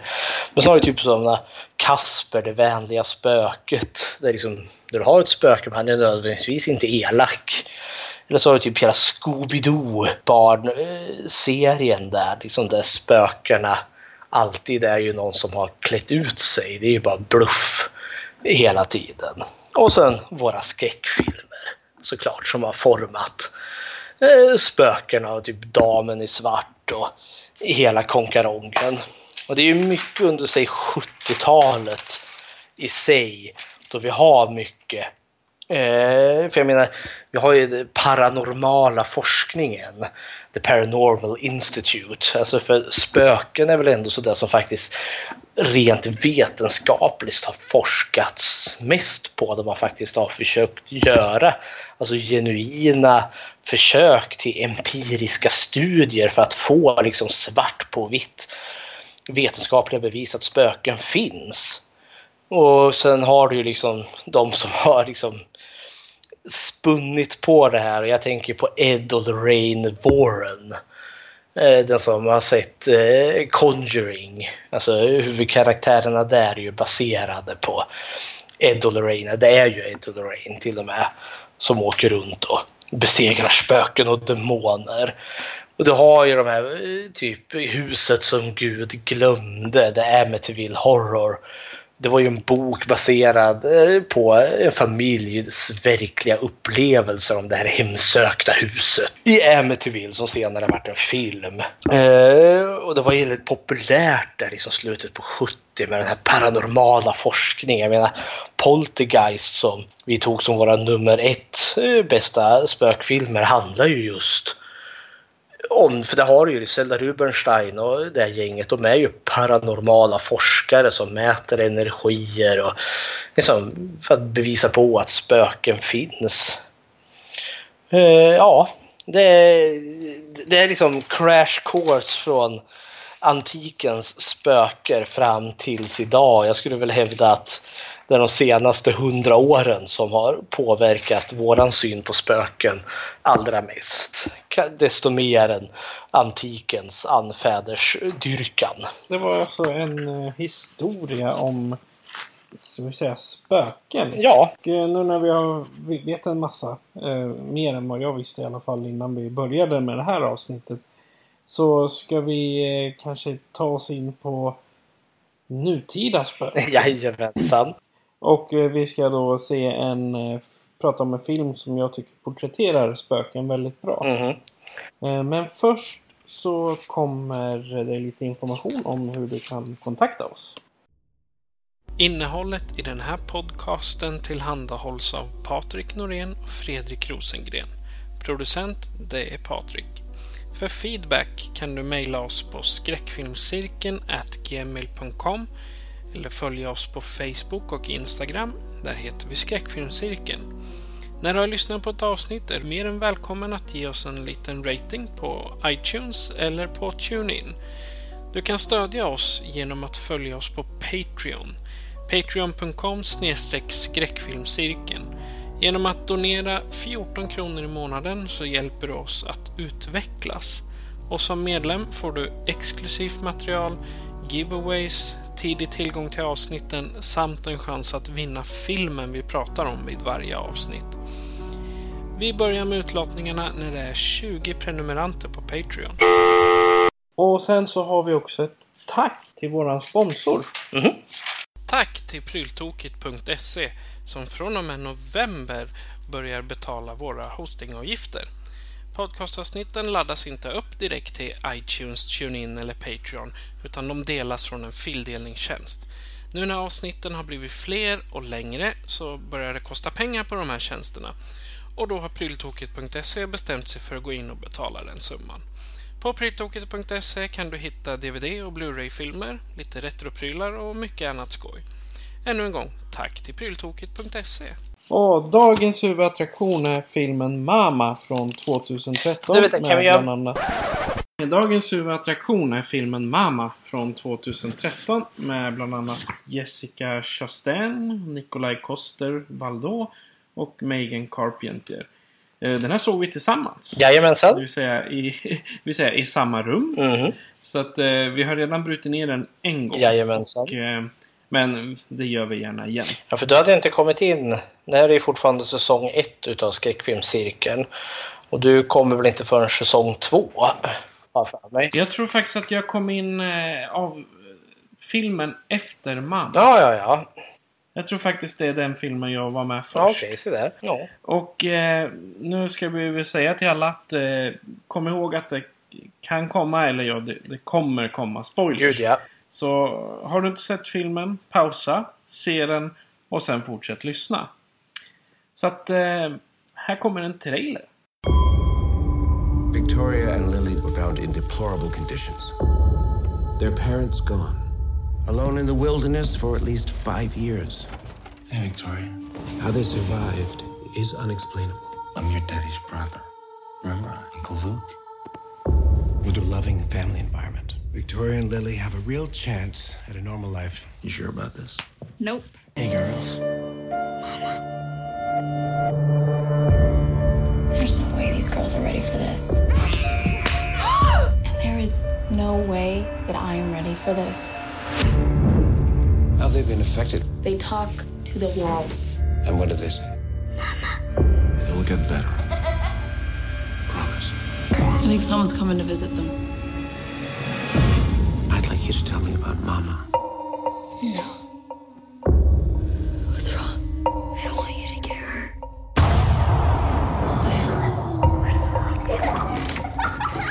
You guys know what time it is?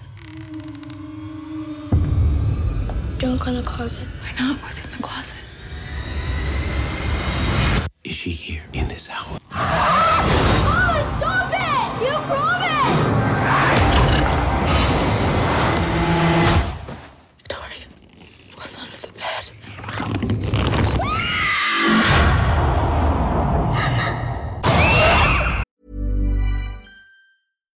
Sandra, and I'm just the professional your small business was looking for. But you didn't hire me because you didn't use LinkedIn jobs. LinkedIn has professionals you can't find anywhere else, including those who aren't actively looking for a new job but might be open to the perfect role, like me.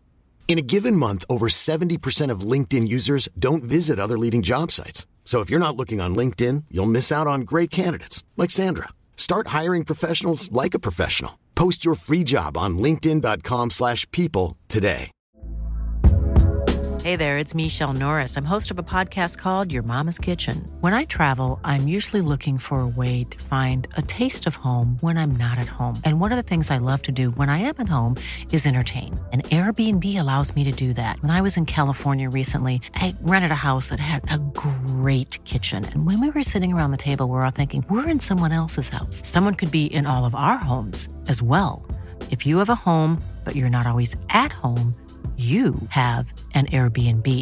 Your home might be worth more than you think.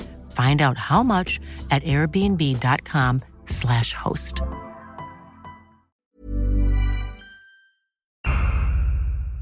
Två små flickor försvinner in i skogen samma dag som deras föräldrar mördas. Flera år senare hittas de och kan börja ett nytt liv. Men de upptäcker snart någon eller något som fortfarande vill komma och stoppa om dem om natten. Det är eh, Mama från 2013.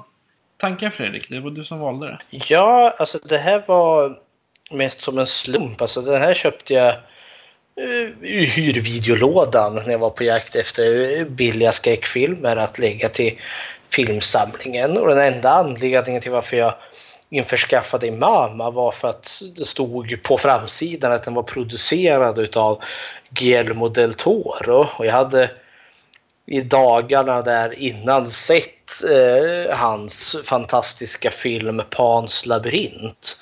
Så då tänkte jag, är hans namn med ja men då måste jag ju eh, se den här filmen. Eh, så jag och en kamrat, vi satte oss ner och tittade på den här. Och vi varit helt slagna av den.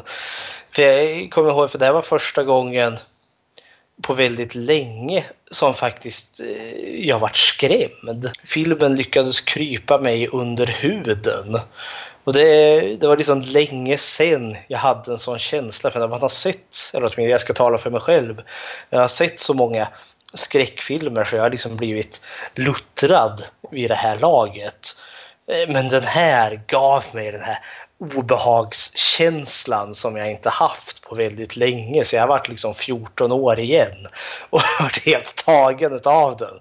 Så då kände jag liksom oj, den här måste jag ju bara få dela med mig av.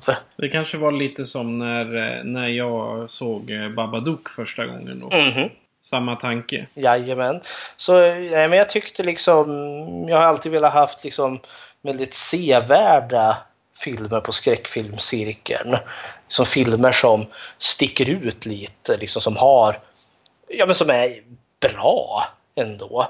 Eh, och Mama tyckte jag onekligen var det. Jag, jag har lite intressant fakta om filmen. Eh, och det är att eh, på IMDB så har den en, en me, me, median eller medelbra rating. Mm. Den ligger på 6,2.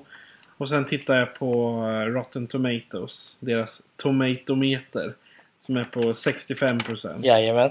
Ja, den har ju väldigt, den har jätteblandad eh, respons. Eh, när jag har sett lite som lite som kommentatorsfälter kring den här så är det folk som antingen tycker att den är helt fantastisk eller som tycker att den är liksom nej.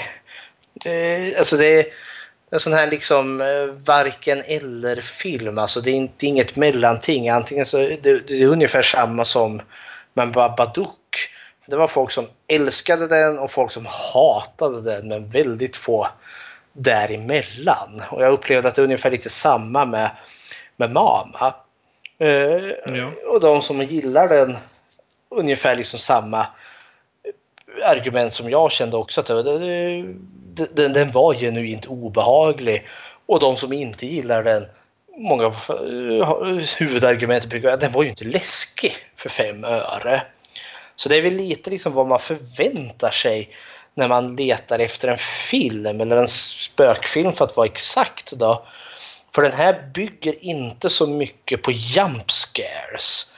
Den här har verkligen en story med intressanta karaktärer vars öden jag är intresserad av att följa som råkar eh, hamna i vägen för ett eh, relativt våldsamt spöke. För det är liksom inte spöket, spöket är ju Mama då, som är huvudkaraktären i den här filmen utan det är verkligen det här hotet som ligger och lurar i bakgrunden. Utan det är ju verkligen film, filmernas huvudpersoner som eh, har liksom eh, majoriteten utav filmen.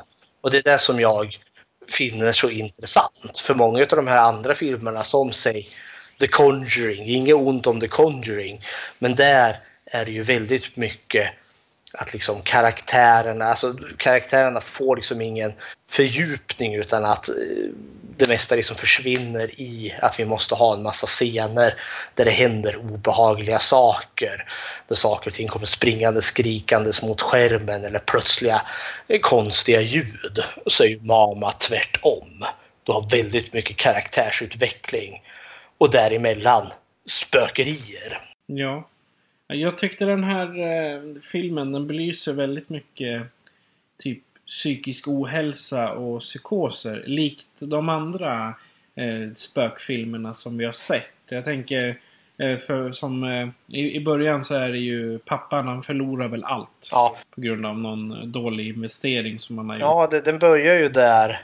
Det är så snöigt eh, landskap.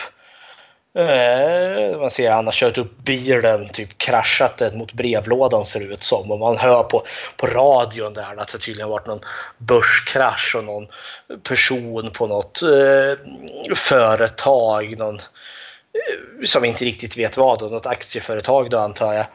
Eh, det har skett en skjutning när någon av eh, medarbetarna där har blivit vansinnig och bara skjutit ihjäl flera av sina arbetskamrater. Ja, och det är ju det är väl pappan där och sen har han skjutit ihjäl sin fru. Ja, och det är ju precis där filmen börjar. Man börjar liksom förstå liksom att aha, nu har någonting gått käpprätt åt skogen här. Och jag tycker det, den hugger tag i en direkt. Man får inte se eh, de här morden. Man får höra skottet eh, när han skjuter sin fru där. Man får inte se mordet i sig utan det klipper över, alltså allt är sett liksom utifrån det här huset. Och så klipper det över till efter skottet där så ser man någon eh, liten flicka där då. Det är väl, han har ju, de har ju två döttrar. Och den äldsta flickan heter Victoria. Eh, och hon ska väl vara tre år. Och hennes lilla syster som heter Lilly som då ska vara ett år. Och han, pappa efter att ha mördat deras mamma där då, plockar ju upp flickorna och sticker iväg med den där bilen då bara rakt ut i, i bergen upp i skogen där på någon snårig liten väg och han är ju får liksom han har ju redan Han får sladd. Ja, och han är ju så, för han är ju så instabil. Alltså han, jag tänkte säga att han är på gränsen till ett nervsammanbrott, men han har ju redan fått ett nervsammanbrott. Ja, han har redan fått den där rejäl breakdown. alltså. Ja, och då får han ju sladd där då, för barnen sitter ju, eller hon, äldsta tjejen Victoria sitter där och frågar liksom "Åh, vart är mamma, vart är mamma? Och han har ju precis mördat henne så han är ju helt liksom labil. Och så fräser han åt henne och tappar kontrollen och bilen tjoff utför en Ja. klippavsats. Jag är helt, över, helt förvånad att de lyckades överleva själva kraschen. Ja, nej, för hon eh, dotter som spelar Victoria, eh, Megan Charpentier. Hon har faktiskt, eh, hon, hon gjorde sig väldigt känd eh, 2012 med i Resident Evil Retribution. För då är det hon som gör The Red Queen. Jaha, så där. Alltså hologrammet. Det är hon och hennes röst. Mhm. Och sen var hon tydligen med i It eh, 2017. En liten roll som Greta. Ja, okej. Alltså, Och det är samma sak med, eh, vad heter hon nu då? Eh, systern. Lilly. Hon heter, ja Lilly. Hon heter Isabelle Nelis Mhm. egentligen. Hon är fransk-kanadensisk. Mhm. Hon är också med i It som eh, statist. Ja, ja, så där.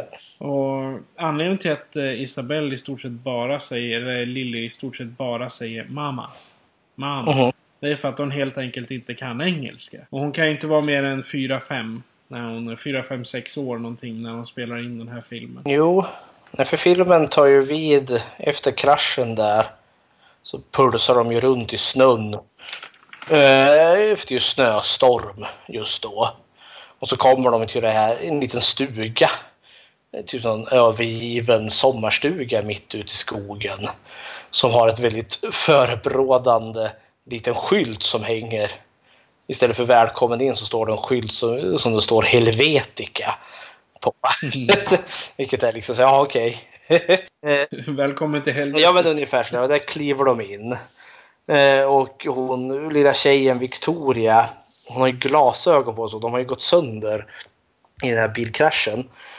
Eh, men hon står ju där och tittar in genom fönstret medan eh, hennes psykotiska far håller på och försöker bryta sig in i huset. Och hon står, vi får ju inte se vad hon ser, men hon står där i fönstret och tittar. Liksom, oh, det, det finns en kvinna där inne.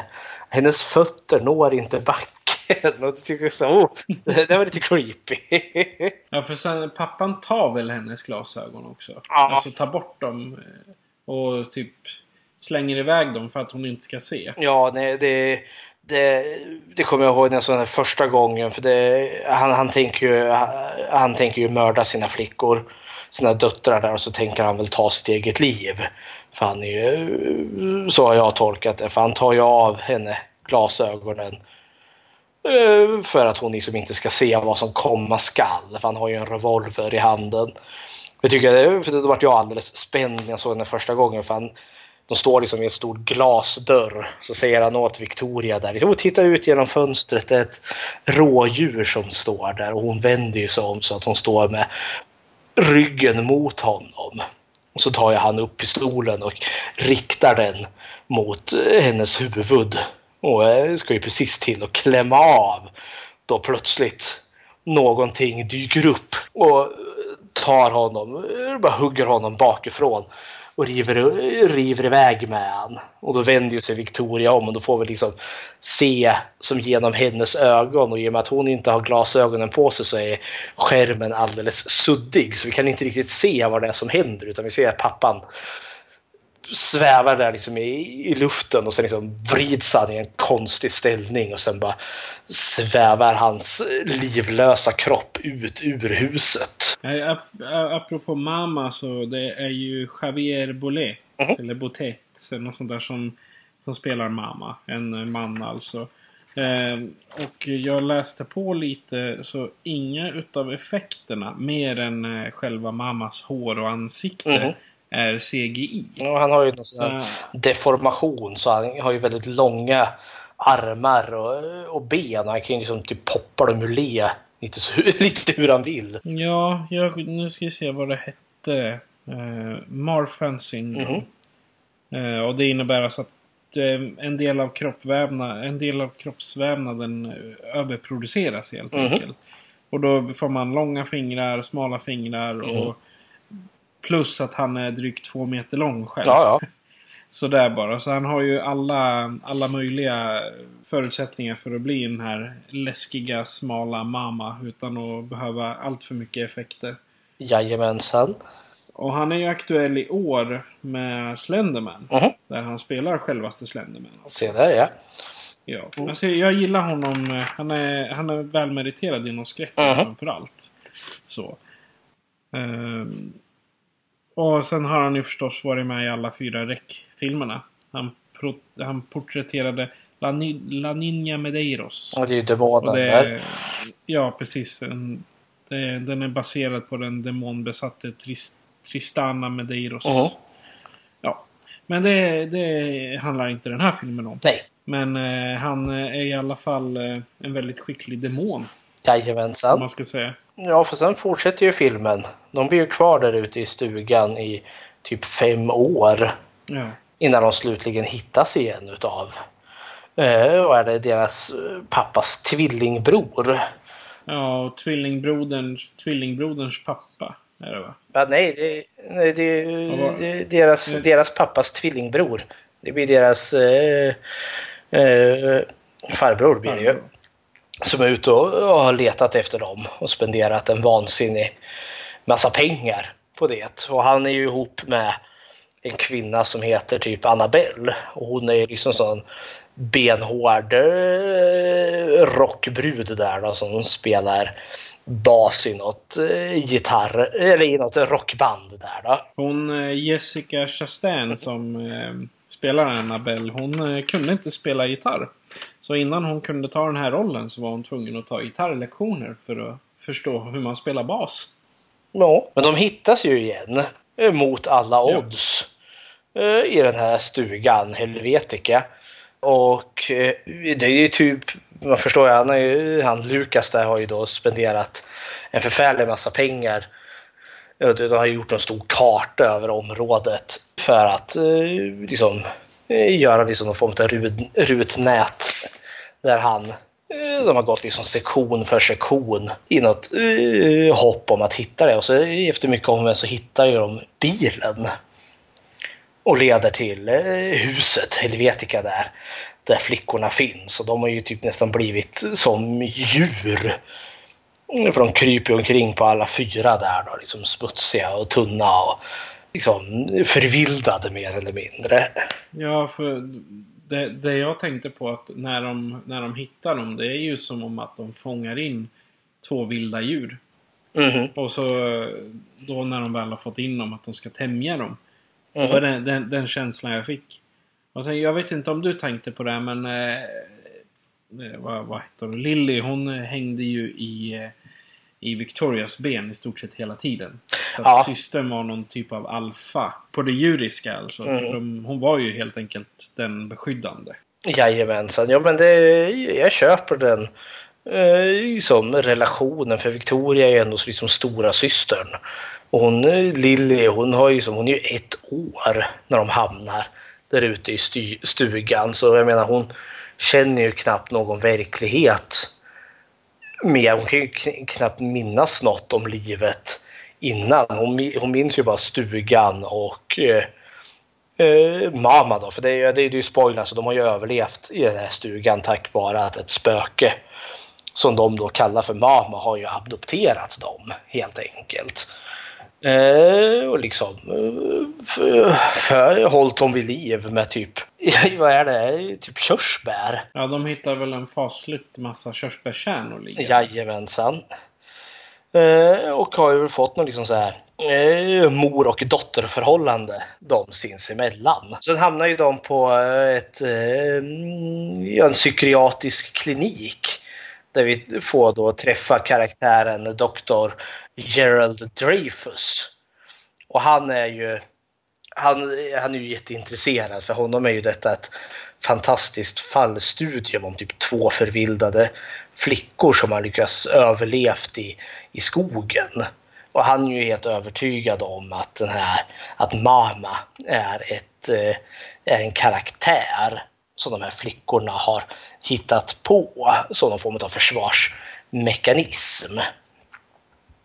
Eh, Men sen vart efter tiden går så kommer han ju att inse att den här Mama inte är så mycket som ett fantasispöke utan är ju ett bokstavligt spöke. Vad tyckte du om karaktären Dr. Dreyfus? Alltså jag...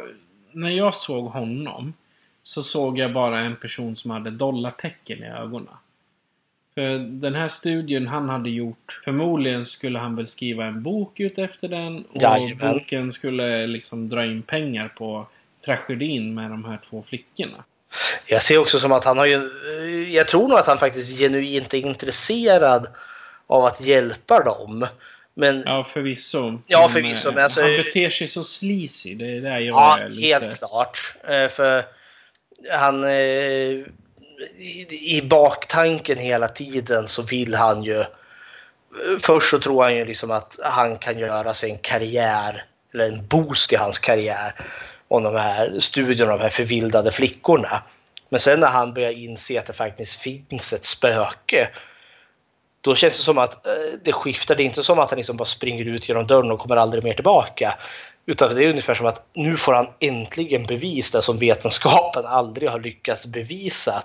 Att, det faktiskt finns spöken. Och han skulle bli först med det. Det, är då jag tycker han blir liksom nästan som besatt. Då blir han liksom så han måste liksom... Ja, då börjar jag tycka känna att då kanske inte han bryr sig så mycket om de här flickorna egentligen utan det är då han, ja som säger, det är då han får dollartecknen framför ögonen. Här, jag, jag tog väldigt illa vid mig. Ja, det här är en sån här film som påverkar på flera plan än bara spänningen. Mhm. För som, det, är, det är också ganska tidigt i filmen när eh, Lukas sitter gentemot sin svägerska eller vad det nu kan vara. Sin brors ex. Nej, moster Jean är där. Ja, moster ja, precis. Ja, så det måste ju bli, ja, det blir svägerska. ja det blir svägerska, ja. Ja, han sitter mot sin svägerska där. Som eh, liksom, ja men flickorna ska jag ha. För de mår bäst hos mig. Och hon ser ju verkligen ut som Maleficent. Liksom. Ja, Den här onda drottningen. Ja, hon- är lite den här onda styvmorden som kommer in och ställer till det. För det, det som hör till är väl då att Lukas och hans eh, sambo Annabelle där, alltså de är ju han, han har ju spenderat alla pengarna här på att hitta flickorna och hon, moster Jean, hon är ju, jag, jag, jag tolkar det som att hon har en förfärlig massa pengar.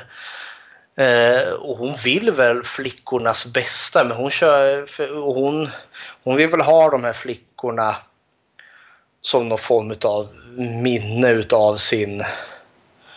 Ja, vad blir det? Det är väl hennes... Eh, ja, eh, som någon form av redemption på grund utav det onda som hände där liksom med, med, hela, eh, med hela familjen som dog där. Ja, det är, det är ju flickornas mammas syster. Så är det Ja, ja. Ja. Så det blir, det blir väl ja, typ hans väg. Ja.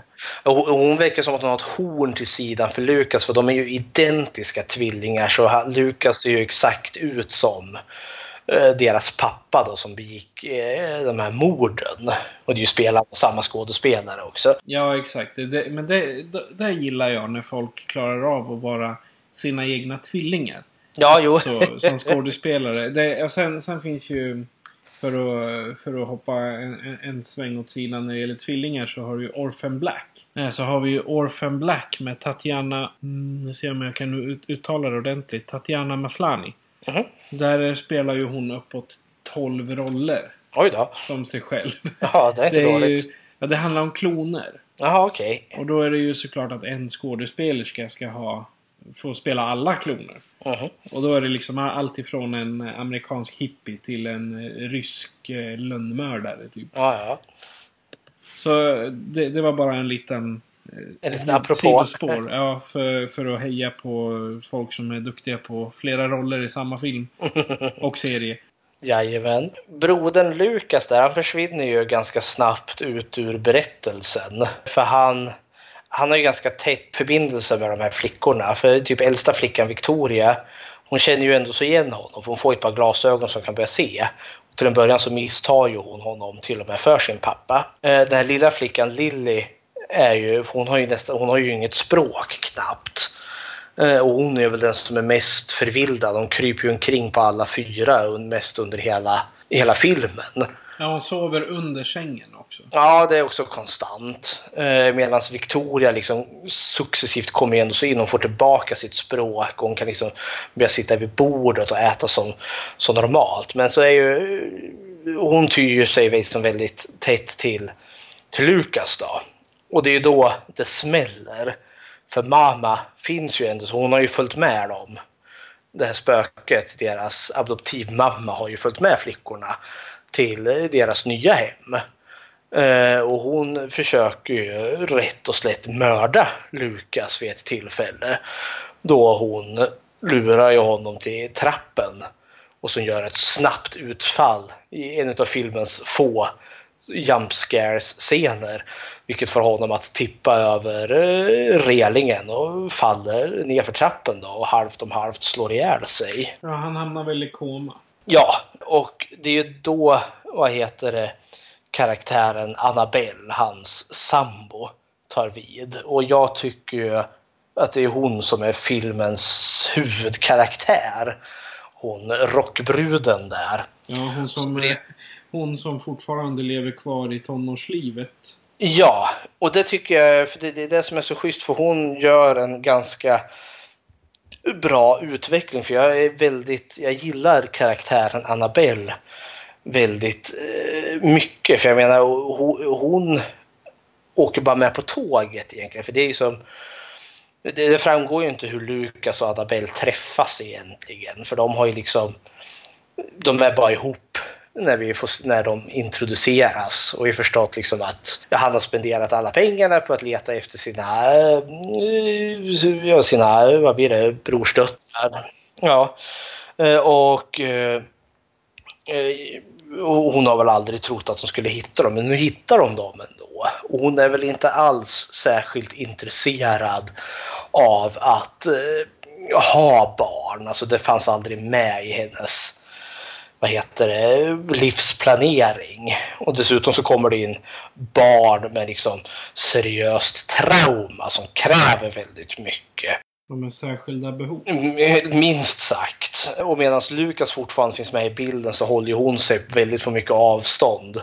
Men sen när han eh, liksom hamnar på sjukhuset där så liksom tvingas hon in i modersrollen. Och det är det jag gillar för hon är verkligen som Bambi på hal is till en början. Men sen successivt, lite långsamt där så börjar det knytas ett band och liksom man kan se den här hennes moders kärlek börjar växa mer och mer eh, för, för de här flickorna. Vilket är ett problem eftersom att mamma, spöket där, har ju liksom samma moders kärlek och eh, det är ju det som kommer bli den stora konflikten i filmen eftersom att spöket är väldigt, väldigt svartsjukt lagd av sig. Hon tänker inte dela med sig av de här flickorna. Eh, vad tyckte du om Annabelle som karaktär? Alltså Annabelle kunde man faktiskt se Mhm. från eh, första eh, mötet. Alltså när hon sitter där och plinkar på basen och Ja, nu ska vi åka på turné och följ med. Mm. Bara, Nej, jag kan inte lämna honom. Mm. Där så börjar hon liksom växa från den 14-åriga Annabelle upp till den här vuxna som jag skulle gissa på att hon är någonstans mellan 27 och 30 Mhm. i karaktären. Och successivt så liksom Ja, hon blir, hon blir äldre i sinne. Och det, där det verkligen var att hon var äldre var ju där när eh, Lilly fick någon form av panikattack. Mhm. Eller bara började skrika och sen hon grabbar tag i henne och trycker fast henne i famnen liksom tills hon lugnar sig. Just det, för jag, jag var tvungen att notera den scenen för den kändes så markant. För det är när Lilja har sovit ute i skogen eller ute i trädgården en hel natt och alldeles kall och dan. Och hon blåser på Lillys fingrar där då för att de ska bli varma. Och då, det känns som att då knyts det samman någonting för Victoria och Annabelle de har ändå så kommit varandra nära men Lilly hon är ju liksom hon eh, och hon har liksom inte öppnat upp en enda gång för hon, hon har liksom bara ögonen för mamma där då. Ja, men Annabelle gör ju det som man ska göra om jag har förstått det rätt. Mm. Jag säger, någon kommer säkert spanka mig om det, om det är fel. Men när det gäller barn som får eh, raseriutbrott eller får såna här rejäla utbrott. Mhm. Så vad jag förstår så ska man hålla dem hårt. Ja, det är vad vi kan säga när, eh, kroppen. Ja. Liksom. när, när barn, Det är det hon gör. ja, när, när barn går in i affekt, brukar man ju kalla det. Så kan man liksom istället liksom bara hålla och låta liksom barnet få skrika ur sig sin frustration tills de lugnar ner sig. Ja, för jag, jag, jag tänkte där. Filmen visar ju att hon sitter så bara någon minut. Mm, Men jag kan tänka mig, hade det varit i verkligheten mm. och hon har en... eh, Alltså, man, man, man skulle kunna säga att det är en hund. Ja, förvildad jo. hund hon har tagit hem. Ja, men det, det är den, den tanken jag får direkt. Mm, Men det, det, det, Eh. det är också första gången hon, den här flickan Lilly faktiskt får liksom medmänsklig kontakt. För det enda som Lilly har liksom fostrat henne det är ju då spöket, mamma, som har funnits med här. Och det tänker jag, nu är det så, vi, vi, vi har pratat om nästan alla karaktärer men vi har jo, bara nämnt Mama i förbifarten. Men låt oss gå då till själva monstret i filmen, spöket Mama. Ju, Hon är ju inte med så mycket, utan hon kommer ju desto mer i slutet. Hennes närvaro finns alltid med. Men vad Mm. tyckte du om konceptet Mama som, som spöke, hennes karaktär överlag? Alltså jag gillade själva sättet för så fort Victoria, det, det var en väldigt bra detalj. Apropå det. Så fort hon stod och pratade med Annabelle så flackade hon med blicken bakom ryggen på henne. Ja, för Mama finns ju där. Ja precis, för hon såg ju mamma där hela tiden. Men sen tänkte jag också, Annabelle ser ju henne också. Ja, i slutet där. eh, För Victor, man förstår ju det vart eftersom. För det är så att Mama är så sjukligt svartsjuk av sig. Eh, Så eh, du förstår ju, Mama försöker ju mörda, döda Annabelle där närmare slutet och Victoria springer ju fram. Och säger att men du lovade att inte göra illa Annabelle och Precis. hon ger sig för liksom hon, hon har gått en, ja, hon har övertalat mamma då om att inte göra det och då kan hon ändå så stilla sitt vrede. Det är väl därför de har fått levt så länge för hade det inte varit hade nog mamma haft ihjäl dem både Lukas och Annabelle illa kvickt. Nej, för det, för det, jag, det jag tänkte på var att eh, det är i stort sett bara, alltså fram till slutscenerna så är det i stort sett bara flickorna och kvinnorna som ser mamma. Ja. Det är där jag tänker. Och sen visst, när doktorn dör då får han ju träffa henne öga mot öga. Ja, jo. Men, det får han ju. I och med när, när Lukas försvinner in i koman då har ju mamma varit i huset hela tiden. Jajamensan. Men Lukas har inte sett henne någonting utan han bara men det är, det är bara ditt huvud som framkallar. Det är bara en mardröm. Ja, för, första gången han får se henne det är ju mitt i slutstriden där. När hon dyker upp. med dunder och med brak. Spöket här, Mama, eller Edith Bremen som hon...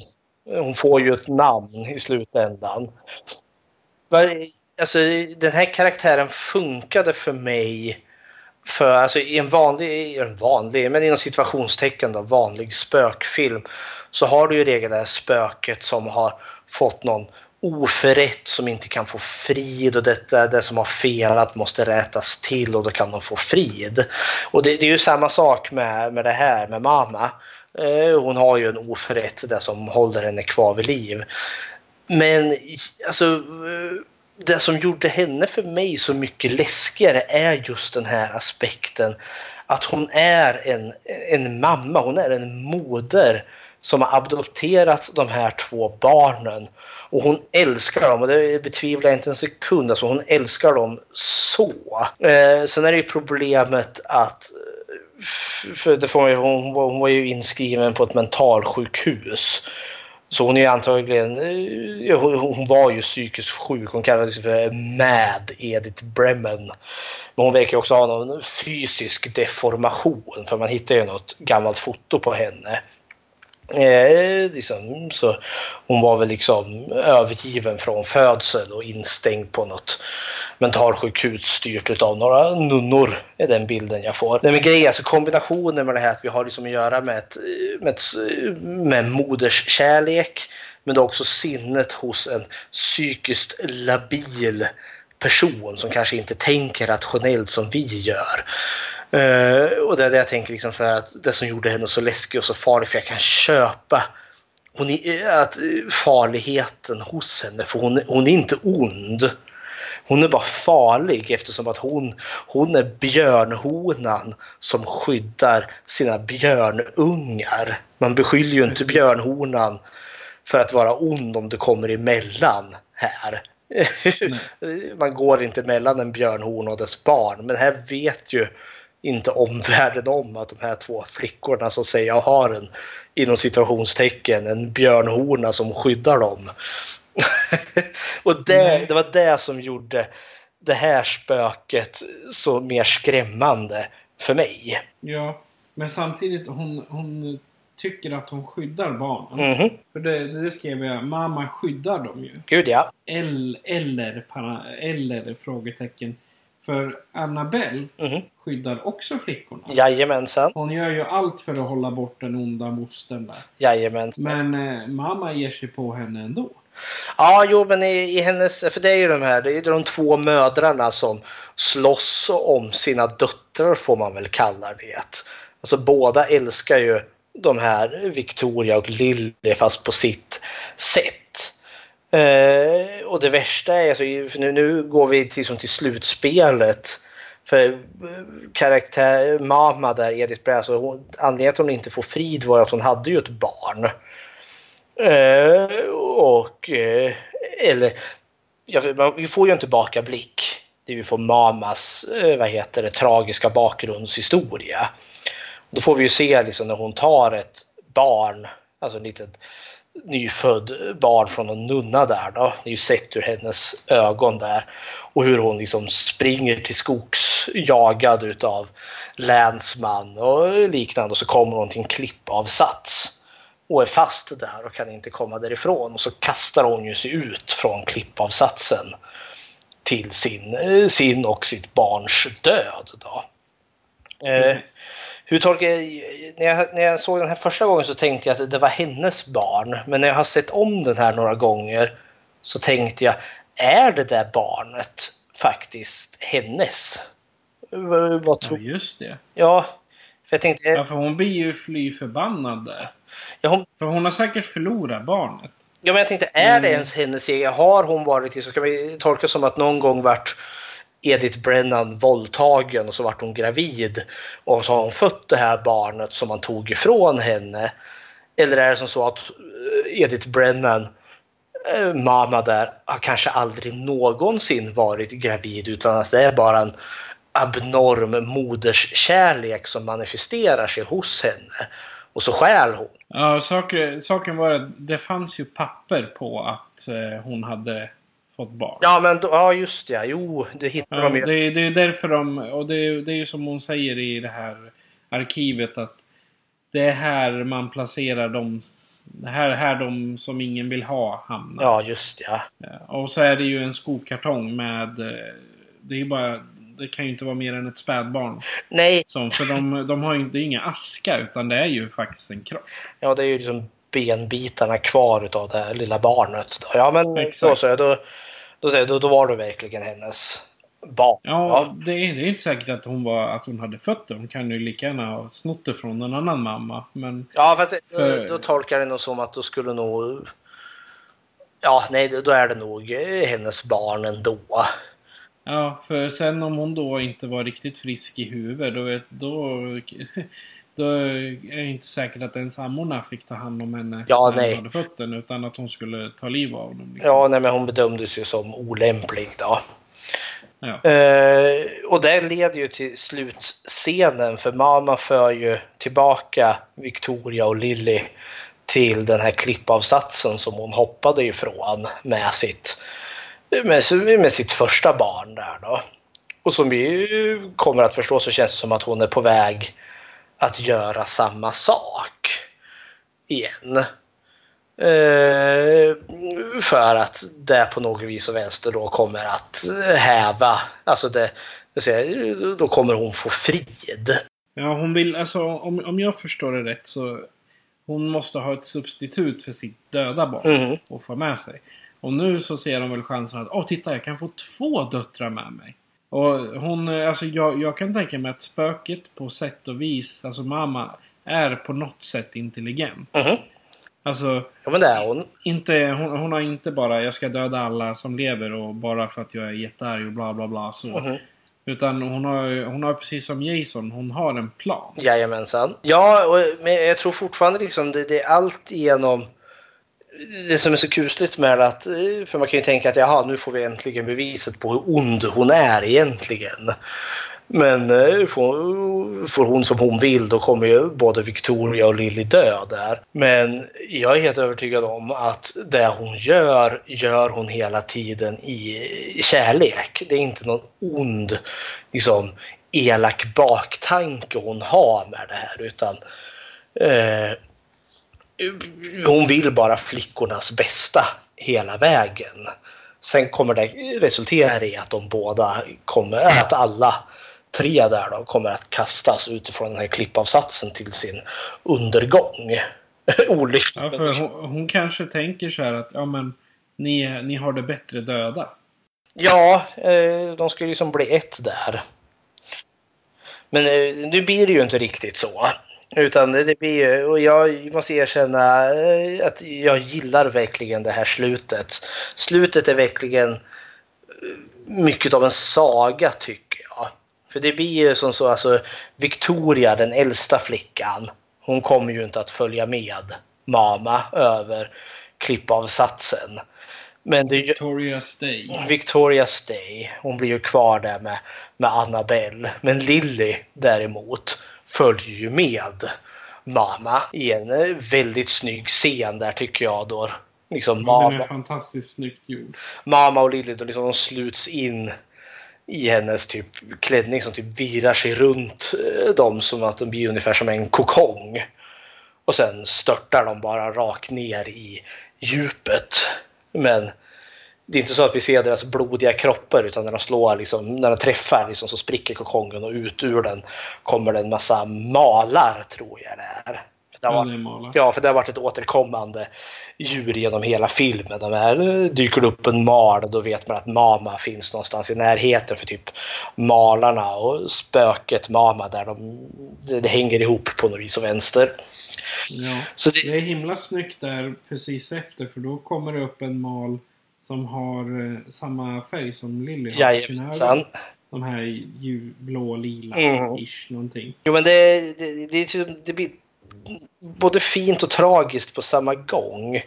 Det känns som att flickan Lilja, det, det var nog ändå så att det kanske det bästa resultatet som man kunde bli där. För hon var nog så, Lilly var nog så pass skadad sen start där då, så att den bästa lösningen blir att hon får följa med mamma och mamma får äntligen sin, sin frid där. Det, Ja, för jag, jag, tänkte annars hade ju risken varit att Lily i sin tur hade varit inlåst eh, hela, alltså re- till och från resten av livet för att kunna assimilera sig ja, eller framåt. Eller aldrig någonsin assimilera sig för hon, Exakt ja kära någon. Vi var som sagt väldigt förtjust i den här filmen. Eh, och jag tycker fortfarande den är väldigt bra. Eh, trots att den är väldigt kluven helt enkelt. Vad tyckte du då? Alltså jag prisar ju den här filmen till skyarna och tycker att den är fantastisk. Och tycker du att den är lika fantastisk? Alltså den är... Jag ser inte den här filmen ur att den är så superfantastisk. Mhm. För det är inte min favoritgener, spöken. Men ur eh, ett rent beteende... Vad ska man säga? Beteendevetenskapligt perspektiv så är den här perfekt att ta med i en, en diskussion i hur folk agerar. Och det, det tyckte jag. Det, det är samma med Boogeyman och Poltergeist också. Men jag menar, spöket symboliserar där någonting eller är det faktiskt där? Och i det här fallet, den här filmen, tyvärr, så tycker jag att eh, mamma egentligen inte skulle synas. Okej. Skulle, visst, de här flasharna som kommer. Mm. Men just det här på slutet när han kommer simmande där och de eh, gnor ihop sig i filten. Det förstörde lite utav den här eh, känslan. Det hade lika gärna kunnat vara att Lily skulle bara försvinna. Eller hoppa självmant Mhm. ut över det där. För mamma var ju liksom det mystiska och det som höll spänningen. Mhm. Sen på slutet när man såg henne, det, det förstörde liksom. Ja, filmen har en markant skillnad från eh, stämningsfull skräckfilm till någon form av saga. Alltså, det, det märks att det, det, blir ett väldigt tonskillnad från just när de har kommit från huset ut till klippan där själva slutstriden står där mamma ska eh, hoppa tillsammans med flickorna. För då skräcktonen skräck, skräcktonen försvinner totalt och in kommer det någon form av ja, men, jag, saga känns det som. Så det är en tonskillnad markant där på slutet. Men jag, jag gillar den. Jag, jag vet faktiskt inte. Jag, jag, jag hade nog kanske tyckt sämre om den här om det hade varit eh, ett, eh, liksom om Mama inte hade funnits. Jag behöver Mama i den här filmen. Hon, hon behöver finnas där. Visst, det hade varit kul också med Victoria och Lilly och att spöket kanske aldrig hade funnits. Men då hade det här blivit en helt annan film. Förvisso. Men alltså att hon finns där. Mhm. Det är ju ganska tydligt i och med att pappan eh, får nacken avriden i Ja, början. jo, det, är- det är inga tvivel om att spöket finns i den här filmen. Ringde det på min dörr. Det var min kära mor och far som kom och levererade lite eh, korv som de tyckte att jag skulle lägga på mackan. Men vad gott. Ja, visst är det. jag har inte mycket mer att säga om eh, filmen mer än att jag tycker den är väl värd att se. Trots att vi har spoilat den totalt nu, men ser den ändå. Ja, precis. Ja, men det, det är som jag har sagt innan att det är en sak att höra oss prata om den och en sak att se den. Mhm. Helt klart. Ja, det var filmen Mama från 2013. Och den är inte bara läskig på grund av att mamma, på grund av mamma. Utan även för att det är barn som drabbas. Mhm. Eh, Sen jag blev morbror så har jag haft väldigt svårt att se Mm. filmer där barn far illa. Som exempelvis Mamma eller Pans labyrint eller Il Orfano eller Exorcisten. Så att eh, liksom, jag får såna här creep gruppkänslor hela tiden. Ja. Och jag tar alltid illa, vid mig när jag får bara läser eller Mm. ser om barnmisshandel. Ja. Så jag kan tänka att både du och jag får sådana knivhugg. Du jobbar ju med Jag gör ju det. Så det är självklart, det är kanske därför den här smäller lite högre också. Eh, men sen är det, för jag tänker, eh, vill du se en film i typ samma anda som The Conjuring eller typ Annabelle, då kommer du bli missnöjd och besviken om du ser en film som Mama. Men är du däremot ute efter en stämningsfull och ganska karaktärsdriven film, då kommer du bli väldigt nöjd med filmen Mama. Och jag, jag kan inte mer än att hålla med där. Nej. Japp. Eh, vad ska vi prata om i nästa avsnitt? I nästa avsnitt då hade jag eh, för fem långa år sedan då hade vi temat djur, typ farliga djur. Och då skulle vi se krokodilfilmen Territory som är gjord 2007 utav han. Den hade några flera namn. va? Ja, den har eh, många namn. Jag tror Territory är originaltiteln. Men sen har den också fått Rogue. Eh, och det är lite förvirrande för det finns en Jason Statham och Jet Li actionfilm som också heter Rogue. Men sen har den också ett namn eh, som heter Dark Waters med ett S på slutet. För är det bara Dark Water då har du den där japanska spökfilmen istället. Men Territory, Rogue eller Dark Waters. Men det är en från 2007. En excellent liten skräckfilm från Australien utav samma regissör som gjorde den här Morden i Wolf Creek. Ja, då, jag har eh, sonderat lite så jag... Eventuellt kan vi ha en intervju med en, antingen en djursjukvårdare eller en veterinär som kan berätta lite om eh, vad man gör med aggressiva djur. Det låter trevligt. Ja, och särskilt vi, vi, får, vi får se. Det är inte... Mhm. Om, om det nu finns så kommer det. Annars så kommer det kanske längre fram i ett eh, eget litet eh, minisode, min intervju där. Ja. Eh, vi kommer avsluta med eh, lite utav Metallicas Mama Said. För jag tyckte musiken i, i Mamma var så tråkig. Så då, allting går, blir bättre med Metallica. det blir ju det. Så är det. Eh, jag heter Patrik. Och jag heter Fredrik. Så vi säger hej då till alla våra lyssnare. Hej då!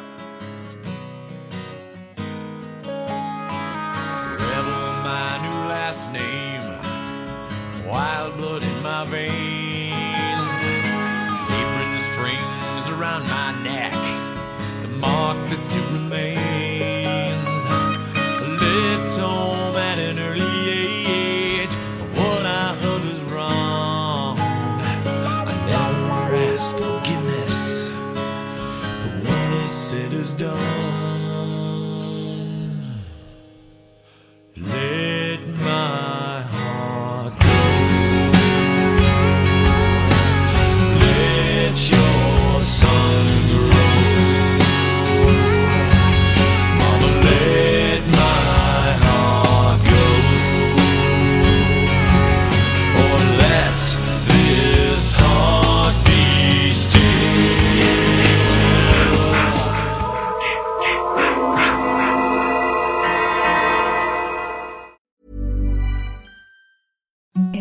the softest sheets you've ever felt. Now imagine them getting even softer over time. That's what you'll feel with Bowl and Branch's organic cotton sheets. In a recent customer survey, 96% replied that Bowl and Branch sheets get softer with every wash. Start getting your best night's sleep in these sheets that get softer and softer for years to come. Try their sheets with a 30-night guarantee. Plus, get 15% off your first order at bowlandbranch.com. Code BUTTERY. Exclusions apply. See site for details.